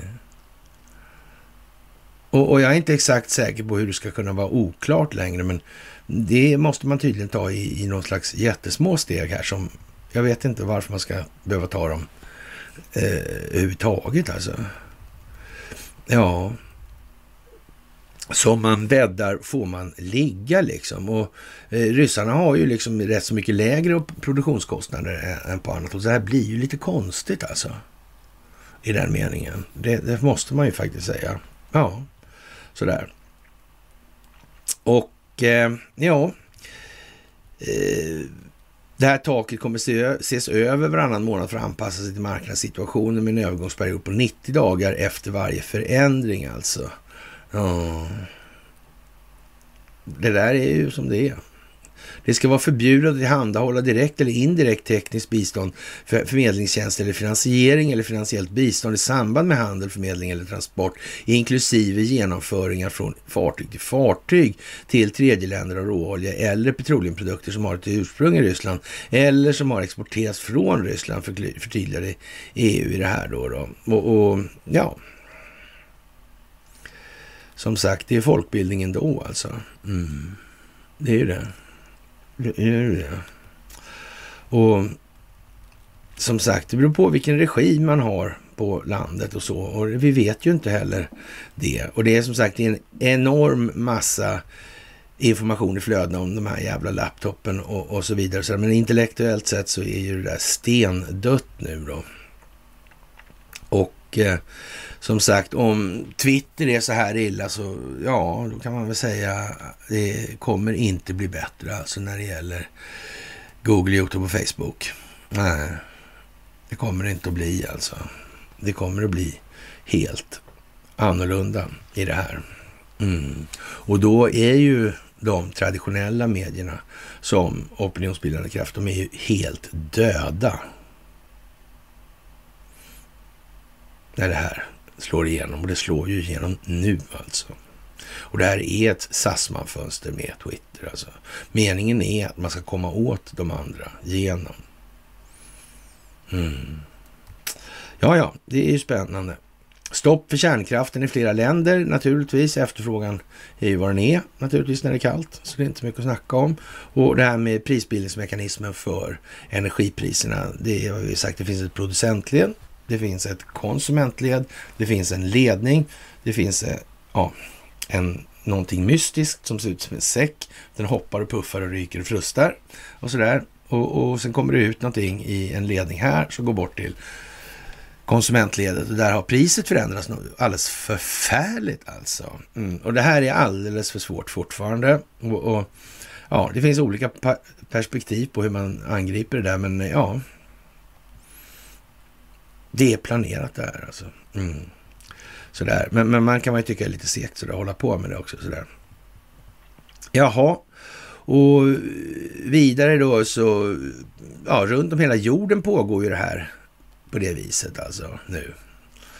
Att folk börjar vakna, folk reagerar, folk reflekterar i det här. Och folk börjar inse att nej, det här är helt bedrövligt alltså hur det har varit. Vi har liksom varit, ja. Vi har haft stolgångsockupation så länge så, ja, vi vet inget annat helt enkelt. Mm. Och ja, man får väl eh, anta att eh, en sån som eh, Elon Musk är lite mer vidsynt i de här sammanhangen och han tycker nu att det här är en strid för framtiden för, av civilisationerna, för civilisationerna. Och, och, om eh, det fria ordet är förlorat till och med i USA så ja, då är det bara tyranni som ligger framför oss. Mm. Och det kan man väl säga ett hyfsat kvitto ungefär på att säga eller omskrivning på att säga så här, det här kommer, kraften i det här kommer slå in från USA. Och så är det ju naturligtvis. Och jag tror vi har haft en ägarkoncentrationsfråga uppe på agendan i Sverige, för den är så in i helvete så att säga, koncentrerad här så det liknar ingenting. Va? Nej.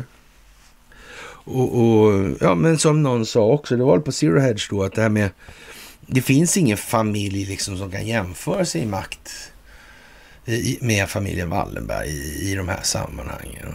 Eh. Och då är det, då, då räknar man bara i Sverige alltså. Och, och det är inte precis uh, ja, Sverige där de är värsta pesten för befolkningen. Nej. Det är ju på andra ställen. Mm. Som sagt, och vi har någon idé om att vi har det faktiskt jävligt bra då. då så, och befolkningen mår bra och så vidare och så vidare. Ja, sådär. Ja, och eh, som sagt, eh, Lady Charles ska väl krönas i vår, står det, men jag vet inte fan alltså. Det där kan vi tagga ner nu. Alltså, det, det hinner rinna rätt mycket vatten under broarna innan någon sån viktig grej kommer i fråga. Mm. Jag vet inte om det är något sådär rättsligt eller juridiskt krav att man är krönt liksom. Corona liksom, koronering. Mm. Annars är den där coronan, ja, Edlin va? Svensk, 41. Mm. Corona runt solen ja. Rocky, 15 ronden. Donald Trump. Ja. Man ser hur det kan bli alltså. Ja. Och eh, lite grann kan man väl nästan tycka det här med, med, med Hunter Biden och hans dator i det här läget. Alltså, eh, ja, Twitterpersonalen ska, ska liksom grillas inför kongressen då för censurering av den här Hunter Biden laptop-storyn då. Mm. Ja, det är ju lite udda, alltså det är alltså en jävla kraft det läggs på det där. Mm. Ja, det vill fan till att det fyller kostymen sen alltså. Jag menar, det är ju... Ja, den mediala kraft som nu läggs på att exponera det här förhållandet med Hunter Bidens dator. Mm. Det är ingen liten kraft. Nej, det är ju inte det. Som sagt, vi hoppas att man har från datorernas sida och datorernas håll räknat rätt i den meningen alltså. Och ja, vi, herr Orban ska vi säga snarare i, i Ungern, han, han tycker att eh, EU ska väl inte skicka några mer pengar till, till Ukraina. Mm. Och det får man nästan anse är, är, är någonting som inte eh, stabiliserar relationerna i EU. Det får man nästan misstänka. Mm. Jag tror att det kan vara så att det, det EU lite på, det ska hända något med EU, jag är inte säker på vad. Alltså, och kanske med NATO också då till exempel. Och sådär. Ja, jag vet inte, det kan vara så. Roten till det onda och Sykes-Picot där igår ute vid havet och, och så. Med roten till det onda. Alltså här. Han ville härska genom söndring. Fransmännen föredrog härska genom söndring som metod för Mellanöstern då. Alltså som kom gav det då hundra års helvete alltså. Mm. Ja, konstigt det där alltså. Som sagt, det gäller ju att veta var man kommer ifrån och om rörelserna passerar nuet alltså. Mm. Om man ska veta var man är på väg någonstans, då vet man ju inte det liksom. Mm. Går ju bara tiden, man vet inte var man ska hamna. Man har inte klarat att extrapolera då liksom. En tangent genom två punkter, nej, sådär. Ja, faktiskt alltså. Och, och Benjamin Netanyahu säger att antisemitism är den äldsta sjukdomen. Ja, Mm. Och den har fått extra liv här nu i internetåldern. Var inte, fanns det inte en sån här eh, någonstans Wilhelm Marr, va? M-A-R-R, va? Mm. Med någon form av kopplingar till Deutsche Bank och sådär, tror jag det var. Mm. Hade inte han någonting med antisemitbegreppet att göra? Det var väl liksom någon form av... Uh, ja... Vad var det egentligen? Kanske man kan kolla det på den här bloggen då som ni brukar besöka. Mm, Karl söker utan Vilhelmar. Ja. Kan nog vara så. Alltså det är liksom rena... Det är inte ens någon... Jag vet inte. Man kan inte säga... Det, det, är ju inte någon riktig kuliss på det viset eftersom det står utan till vad det är för någonting. Så det, eller innan till. Så det, det, det är ju lite udda i det här läget. Det måste jag uttrycka. Faktiskt. Och eh, ja, Tesla eh, har en ny eh, dieseltruck, eller eh, tre gånger kraften hos en dieseltruck, men ja, och, och, den kan köra 50 mil alltså. Mm. Det är mycket konstigt med de här elbilarna och allt det här. Faktiskt. Och hur långt tog det förresten innan de här ukrainska legoknektförbanden var infiltrerade av intressen som motverkar ju Det tog det lång tid alltså. Eller var det redan, jag brukar ju snacka om det där med, är det två lirare som ska göra någonting, som ställer, eller har möte ute i läskiga skogen och så bakom ett, en sten då, så hoppar upp en tredje gubbe, så det vill jag ha med om. Det är ungefär så alltså. Att inte Ramzan Kadyros underrättelsetjänster skulle ha lyckats infiltrera eh, Azov-bataljoner och annat alltså. Nej, nej. Så är det inte. Så är det inte. Eh. Och att de tänker sitta kvar när man börjar precisionsbomba. Mm. Ja, det är ju sådär alltså. Hur mycket? 30 000 man tror jag det är som är instängda nu. Det är ju rätt många.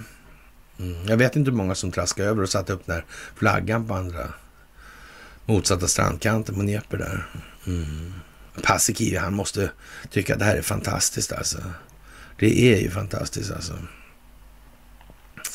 Jaha, och eh, som sagt, Katie Hobbs sitter väl där hon sitter och hon har hållit på med avsuddat Twitter-poster poster också där. Och, och Ja, kryptovalutor som bitcoin och ethereum har sjunkit oerhört i värde. Det som förut betraktas som en lönsam valuta att investera i och handla i har nu lämnat användarna i stor osäkerhet. Och SvD har samlat fem röster om bitcoin och jag vet inte vad man ska säga. Det är en påhittad valuta säger, Svensk Närings eller SvD Näringsliv där. Och eh, vad är alla andra valutor då?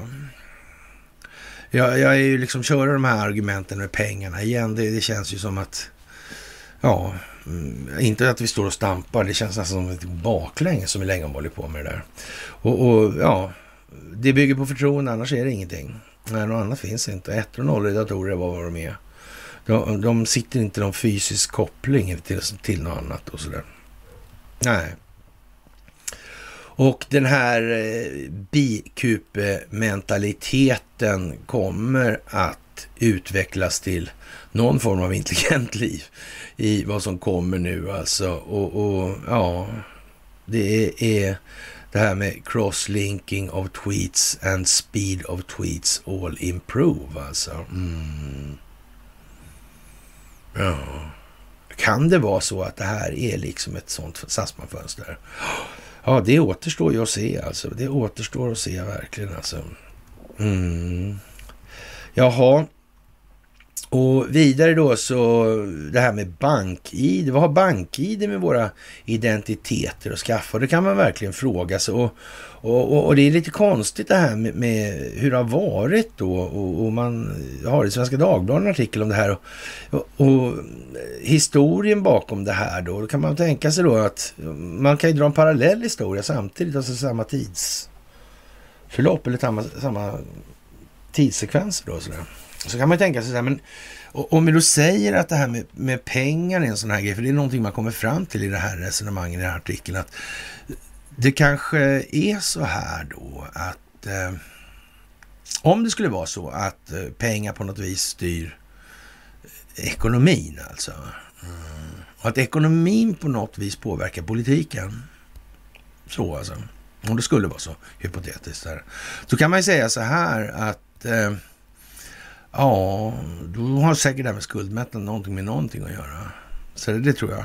Ja, och i Sverige använder vårt digitala bank-id sammanlagt över 17 miljoner gånger om dagen. En hel del av de här användningarna handlar inte om penningtransaktioner utan om kontakter med vårdinstitutioner, skolor och myndigheter. Bankernas grepp om vår identitet har blivit så vardagligt att det inte märks längre. Nej. Detta uppmärksammas sällan i den samhällspolitiska debatten, även om Anna Kinberg Batra, ansvarig för betalningsutredningen, nyligen efterlyste införande av statlig legitimation i en debattartikel i Dagens Nyheter 16.11. Vad, vad, vad den politiska lösningen blir, det återstår ju att se. Alltså. Men hur kommer det så egentligen att banken som identifierar oss när vi agerar som patienter, eh, föräldrar eller medborgare, när och varför blev våra pengar och våra officiella identiteter sammankopplade? Vill man söka förklaringen får man gå lång, längre bak i tiden, 2003, då ett bankkonsortium lanserade den digitala eh, tjänsten BankID. Bankernas roll som identifierare började nämligen betydligt tidigare. När jag flyttade till Sverige på 1990-talet för första gången och, och skulle ha, skaffa mig ett bank-id, eller ett svenskt ID-kort, en handling som symboliserar min nya plats i världen, fick jag veta att jag kunde göra det på banken. Det lät konstigt.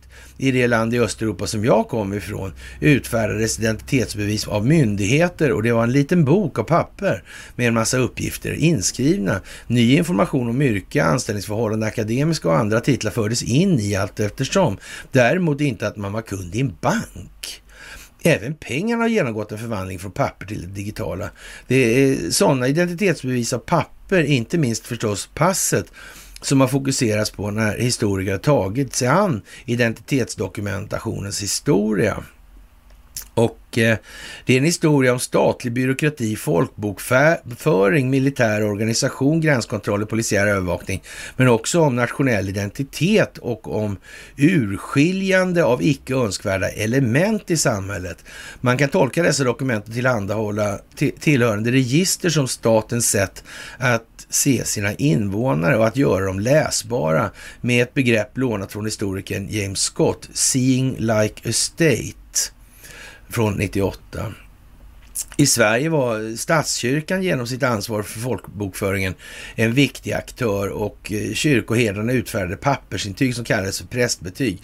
Flyttningsbevis och åldersbevis fick användas för vardaglig identifiering för väl in på 1900-talet. Prästbetyget illustrerar tydligt att identitetsbevis var och är och vad man kan kalla moraliska teknologier. Vem som utför dem, vilka uppgifter det innehåller, läskunnighet, vandel, religionstillhörighet eller om de utfärdas i mannens namn eh, men gäller en hel familj. Allt kan, det kan förstås som historiskt specifika sätt att göra samhället läsbart, inte minst ID-handlingar gör då, eh, sätter upp mallar för hur människor kan uppfatta sina egna och andras identiteter. Dessa papper var också minnesdokument där ändringar, tillägg, stämplar infördes. Än idag berättar man berättar vissa pass en historia om resor, flykt och flytt alltså. Och den amerikanska mediehistorien Craig Robertson har skrivit om hur den dokumentära identifieringsregimen som växte fram tillsammans med byråkratiska stater under senaste årtiondena avlöst av en digital regim som till skillnad från den pappersbaserade regimen kommersiellt dominer, är eh, kommersiellt dominerade i alla fall i väst då. Inte bara identitetsdokument utan också pengar kan tolkas som minnes instrument och moraliska teknologier. Moderna pengar är löftesbevis om, en, om ett överenskommet värde som kan lösas ut i framtiden alltså. Mm, det där är ju lite, men det fattar ju ni alltså nu. Så det, det bygger liksom identitetsbevisen på förtroendet alltså, som systemet i stort alltså.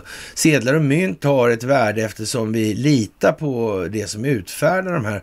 Och de är ofta stater och, och penninginstitutioner. Även pengarna har genomgått en förvandling från papper till det digitala.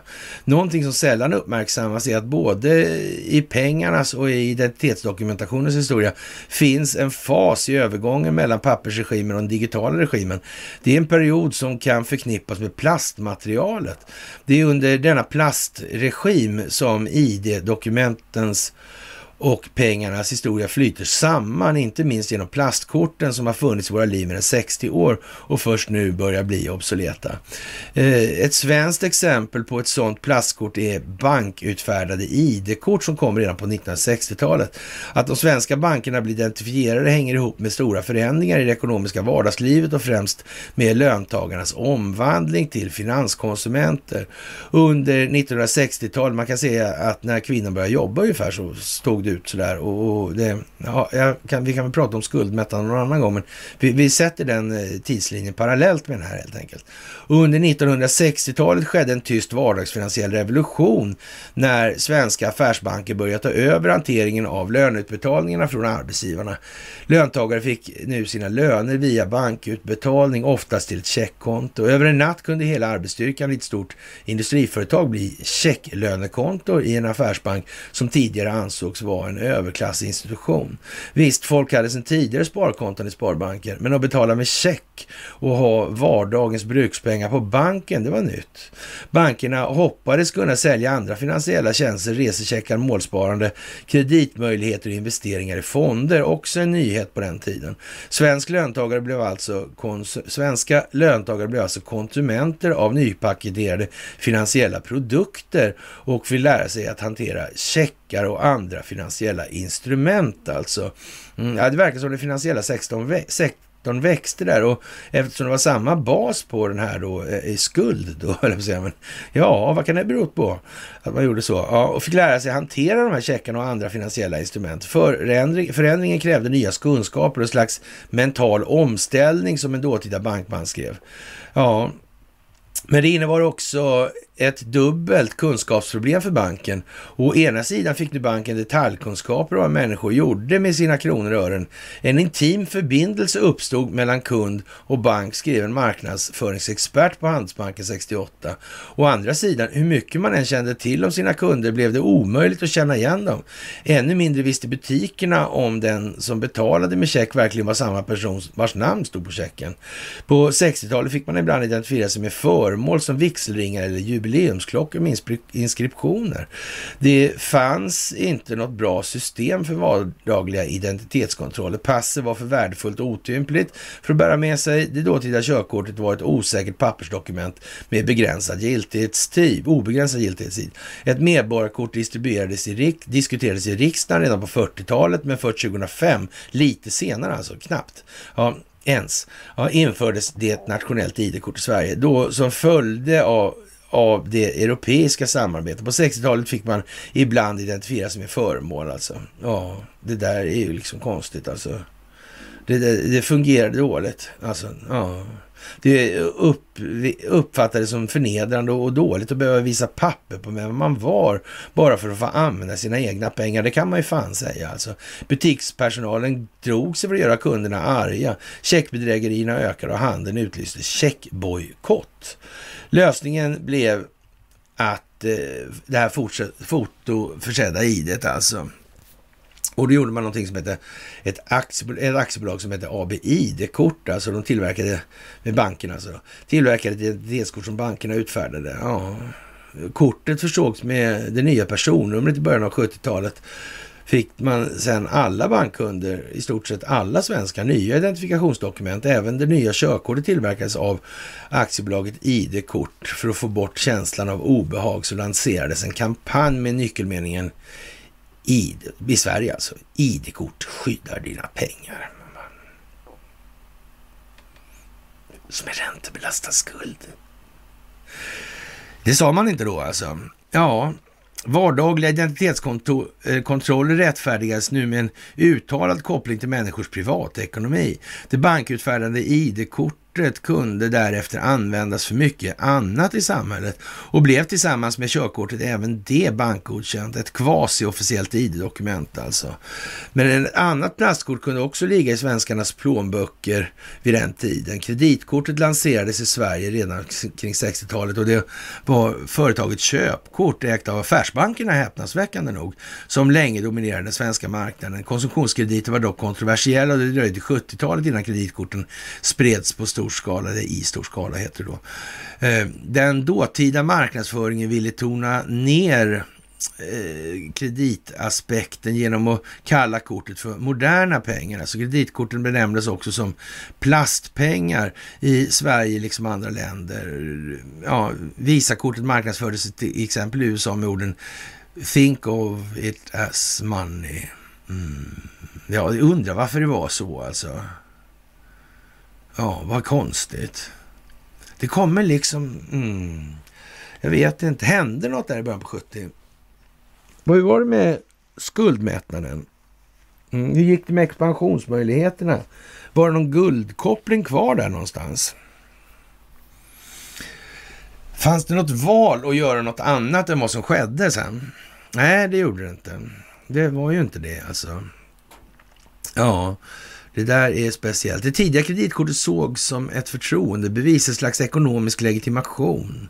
Det var mycket som gjorde kreditkort och ID-kort lika, utseendet inte, minst. Alltså, korten fick samma standardiserade mått och liknande liknande teknisk utformning. Plasten, plasten bevarade aspekter av analoga pappersdokument med uppgifter synliga med blotta ögat, men den kunde också, kunde också utrustas med digitala databärare. I Sverige tillverkade AB ID-kort även kreditkorten alltså.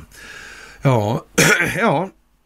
Också funktionerna såg ut att konvergera. Bankexperter tänkte sig omkring 70 ett universalkort av plast med foto som på samma gång skulle fungera som ID-kort, kreditkort, betalkort när väl onlinebetalningarna blev möjliga. Alltså.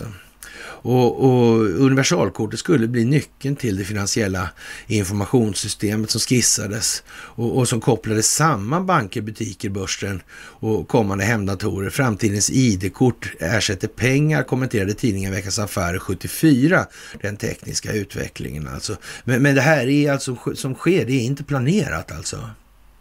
Det är, de hade ingen aning om att det skulle bli så här och, och någonting alltså. Nej, så illa är det alltså. Så illa är det. Men det märkte vi nu på det här med hur gammal man var och sådär och vilket år det är i år. Ja, sådär, att det blev som det blev. Det var, kan inte vara så svårt i det läget. Ja, det är ID-kort som jag kvitterade ut från min bank 95 berättar en historia om eko, ekonomiseringen av vardagen. Även kreditkortsbranschen drömde så tidigt som på 70-talet om kort som samlade och förmedlade information om användarna. Fan vad konstigt. Ett exempel är kreditkortsentreprenören Erik Linder som ansåg att den viktigaste produkten i hans företag inte var kredit och betalningar utan kunskap om kunden. Nej, nej. Jaha, om människors preferenser och köpbeteende, ja om deras identitet alltså. Men vilken rackare! Eh, dessa var högt värderade bitar av information till den som ville sälja varor istället för kreditkort och, och, och köpkort talade Linder om kunskapskort och säljkort Alltså, ja. Hans tankar utvecklades av andra under kommande decennierna och han sägs bland annat ha varit uppdragsgivare för Ikea Family-kortet introducerat 1984. Jag vet inte, är det ett mönster i allt det här? På något vis. Här har man kommit till en marknad av identiteter och det för långt före internet och övervakningskapitalismen har omskrivits i dagens sociala medielandskap. Plastkortet i den bemärkelsen att det var ett uttryck för marknadens, inte statens vilja att avläsa människor. Nej, det kan man väl säga. I det här landet har aldrig staten haft någonting att säga överhuvudtaget. Det är faktiskt så. Eh, pengar, kreditkort och Eh, ID-kort i medier som förmedlar och bearbetar kunskap, både om samhället och om användarna. Det är också texter som vi, en närläsning avslöjar att pengar, identifiering och identiteter började flätas samman under en period som utmärktes av plastkortet som medium. Den det ID-kort som jag kvitterade ut från min bank 95 är eh, således ett tidsdokument som berättar en historia om ekonomiseringen av vardagen, om bankifieringen av samhället, om hur löntagarna blev finanskonsumenter och om eh, uppkomsten av ett system där privata företag fick förtroende att bli identifierade. Man skulle kunna säga att det valutafinansiella systemet styrde den politiska utvecklingen rätt så ovillkorligt kan man väl sammanfatta det som. Och det är väl inte så mycket att diskutera om egentligen i det här läget faktiskt. Ja, mitt ID-kort ja. Ja, ja och israeliska eh, ja, lagstiftare eller parlamentsledamöter, de eh, lämnar alltså underrättelser, tjänstuppgifter till, Teheran Iran alltså. Ja. Det är ju konstigt. Där. Det verkar konstigt allting där. Hur går det med det där Netanyahu och hans verksamhet där? Mm. Hur var det där med Epstein och, och Maxwell? Mm, ja, de jobbar visst åt Mossad kommer det fram här nu på något vis lite grann. Ja. Jag ser ungefär som eh, Glenn Maxwells farsa gjorde på något vis. Alltså. Han, han som startade någon, vet, eller någon vetenskapstidning han köpte in sig på va? Och lånade pengar av den där eh, Hambro, tror jag. Jaha, just det, så var det va? Ja, ja, ja, ja. ja. Hambro, familjen Hambro. De var väl inte kände, kände inte de familjen Wallenberg någon här? Mm. Nej, det gjorde de va? Mm. Det fanns väl någon skandinavisk gren av den här Hambro-familjen också? Var det inte så också? Ja, jag gjorde det nog ja. ja. Men det, det kanske inte spelar någon roll. Jag vet inte det. Jag är inte säker. Jag är inte säker, nej. Jaha, och, och, eh, när de här människorna i Ukraina sprang iväg med den här flaggan då och, och såna här grejer, då så, så kommer eh, Paasikivi in i bilden här. Det här är ju någon dag sedan nu, men, men eh, han, han, han, skriver så här alltså att Ukraina vill se var, var ryssarna befinner sig. Det är därför de har traskat iväg dit. Mot Ryssland alltså. De vet inte var Ryssland ligger, eller vad fan menar han, det här alltså? Mm. Det är något jävla spaningsföretag och för att inte märka så sätter de upp en flagga. ja, det är det där med piss och give alltså. ja, ja, ja. Och, och Ja, som sagt, ukrainska styrkor uppges i helgen ha korsat floden Dnepr vid den befriade staden Cherson och rest en ukrainsk flagga på den östra sidan alltså. Det skriver den amerikanska tankesmedjan, otankesmedjan, Institute for the Study of War, ISW, i en lägesrapport. Eh, och det där är konstigt alltså. Eh, ukrainska styrkor har alltså gått över floden Dnepr, men handlingen är mer symbolisk än början på en ny ukrainsk offensiv då enligt Paasikivi. Och han tror att striderna i landet kan identifiera intensifieras när marken fryser alltså. Ja, som sagt, vi får väl se om de här legosoldaterna i faggorna där stannar kvar på platsen eller inte. Det är närmast det som är frågan skulle jag säga. Men det är klart att, eh, ja. Eh, Paasikivi ser däremot eh, Ukrainas agerande som ett led i en psykologisk krigföring och ett sätt att, och ett sätt då att se var ryssarna befinner sig. Alltså. Och, och, jag tror att de utförde handlingen för att få bilder att sprida både till sig själva och för att öka stridsmoralen och till ryssarna för att visa att man är offensiva och avser befria hela landet, säger han till Svenska Dagbladet. Jag vet inte liksom vad ont karln har gjort som är tvungen att ställa upp på det här alltså. Ja, men lite komiskt är det i alla fall. Och, och ja, vi, vi, får väl hoppas att Ryssland kan hjälpa till att upplysa och, och ge svar på de här frågorna alltså. Det, det är väl så då. Och ja, det var en eh, lite udda pryl det här med, med, ja, med kungamiddagen där för eh, de folkvalda. Det får man nog säga. Det är lite sådär eh, anslaget av en tack och avskedsföreställning. Till varje pris ska det hållas takt och ton. Ja. Vad kan det vara? Vad kan det vara som står på lut? Vilket håll rullar åt förresten? Jag vet inte riktigt. Jag vet inte riktigt. Sedlighetspolisen i Iran läggs ner. Det är lite udda. Mm. Vem är det som har ställt till det i Mellanöstern egentligen? Mm. Roten till det onda, vad var det där för någonting? Var det kolonialkrafter eller kolonialmakter? Var det Frankrike till exempel? Var han Sykes engelsman? Var Picot fransman? Mm. Diplomat, va? Ja. Vad hade han med armeniska folkmordet, eller vad jag ska kalla det för, att göra? Ja, det hade han. Det var jättekonstigt alltihopa. Det är jättekonstigt alltså. Och eh, ja, jag vet inte.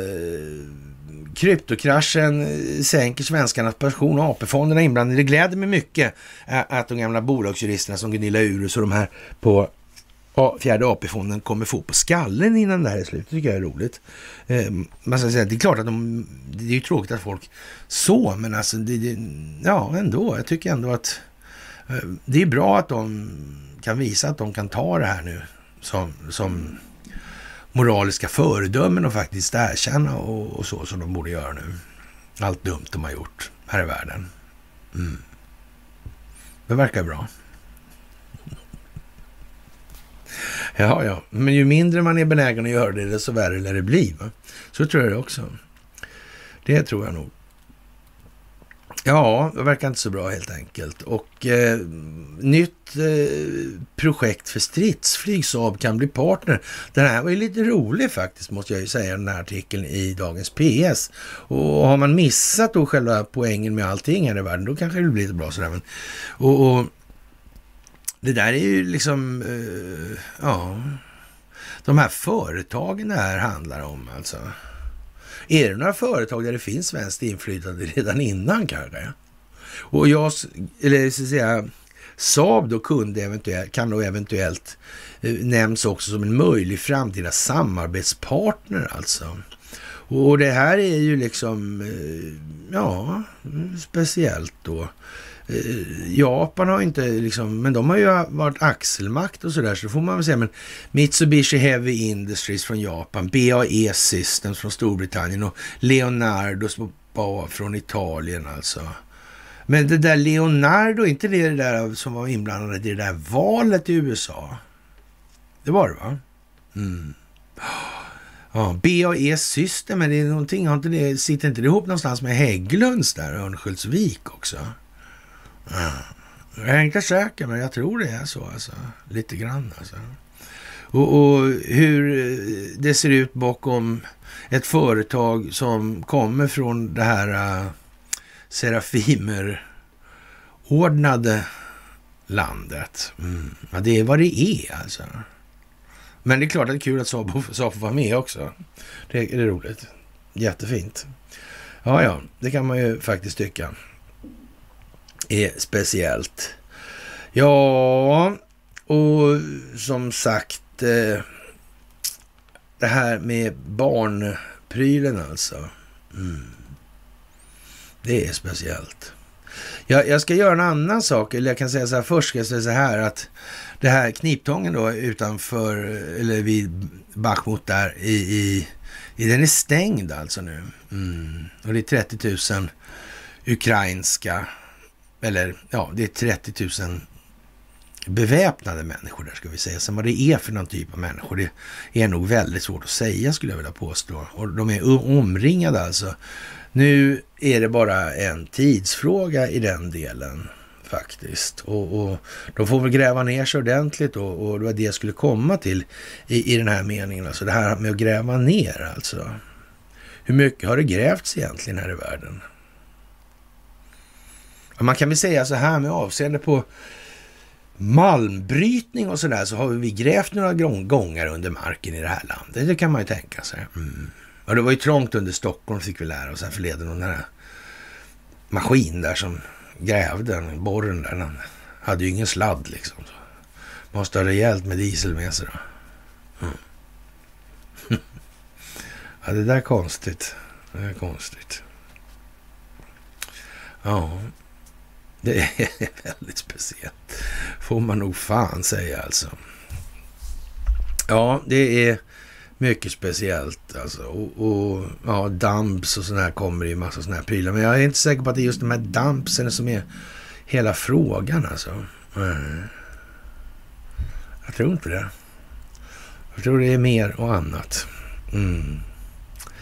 Jaha, och... Eh, sedan vårens passkaos har väntetiderna minskat betydligt, men ett nytt problem har uppstått. Runt om i landet ligger 172 000 pass och väntar på att ägarna ska hämta ut dem, skriver SVT Nyheter Småland. Och om folk inte kommer att hämta ut dem blir helt enkelt tvungna att förstöra dem, säger Örjan Vass vid polisen i Kalmar.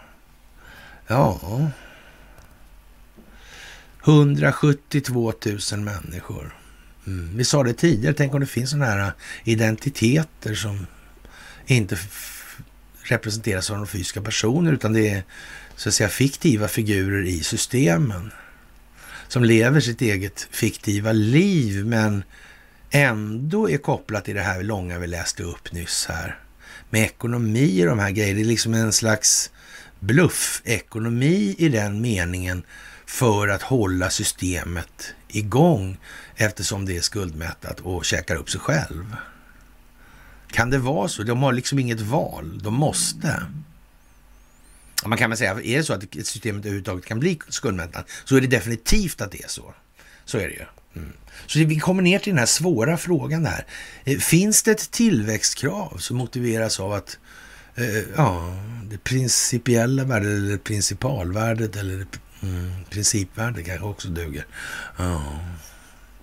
Är enskilt kontrollerad räntebelastad skuld och det skapar liksom ett likviditetsunderskott där. Ja, som växer med tiden. Jag vet inte. Tillväxtkrav. Tillväxtmantra. Kan det vara så här alltså? Det är jättespeciellt ju. Att allting, allting hänger ihop alltså. Det är ju konstigt alltså. Mm. Ja, vad, vad, har, vad har Facebook och, och, Google och de här gjort alltså? Ja. Som sagt, är det dit det här ska? Ja. Jag vet inte. Vi är lite gammaldags av oss ur en del perspektiv, så vi tror vi liksom hela tiden har trott samma sak. Eller vi har trott samma sak hela tiden. Av någon anledning som vi kanske inte har redovisat fullt ut än. Men det kommer ju så småningom en all, thing, all things in due time, säger man va? Så tror jag det heter. Ja, mycket speciellt alltså. Mycket, mycket speciellt. Och man börjar komma fram till att det här uh, historien med, med covid, det verkar vara konstgjort. Och rent av en bluff. Ja, vi vet ju inte det, men vi, vi ser, vi noterar att man säger det alltså. Och, och ja, det, det, är mycket konstigt det här med Brasilien alltså. Det är ju bara närmsta dygnen det kommer hända och Ryssland gick ju på nu alltså i, i Ukraina. Mm. Vad säger Zelenskyj? Mm. Det här eh, uh, FTX då? Bankman Frider. Mm. Vad händer här egentligen? Det är ju väldigt tätt nu alltså, måste man ju säga. Det får man fan... Eh, det går inte att förneka alltså. Det går inte att förneka alltså. Mm. Faktiskt alltså. Mm. Och nu märker man då liksom konstatera att Ghislaine Maxwell verkar ha med underrättelsetjänsterna att göra. Och, och så vitt vi känner till så är det bara djupa staten som har bestämt hela tiden i Israel. Det säger ju alltså i alla fall han som har fått uppdraget att bilda regeringen nu. Han säger ju det. Mm. Det är ju konstigt. Och, och, den djupa staten, jag vet inte, finns det ens en möjlighet att inte koppla in telekom, infrastrukturfrågor och kraftförsörjning i den ekvationen? Jag tror inte det. Det ekvationssystemet måste innehålla de komponenterna. Ja, det där är ju väldigt, väldigt märkligt. Det måste man ju säga. Alltså. Det är konstigt faktiskt. Ja, och, och, det verkar som att Turkiet, den här bilden vi har gjort med de här fyra filurerna på, med, med den här globen som sjunker ihop som en jävla soufflé. Ja, det verkar liksom komma, det verkar takta in här nu, ordentligt också. Ja, jag vet inte. Det kanske är något fel alltså. Sådär. Ja. Och de här underrättelsetjänsterna, vad är det för någonting egentligen? Verk, märkligt alltså. Märkligt, märkligt, märkligt. Ja. Och ja, det kommer allt närmare för varje sekund som går alltså. Och det är som sagt vad det är här nu. Mm. Och det kommer att bli som det ska. Och det gäller att vara kall och det gäller att inte springa på de här dumma grejerna.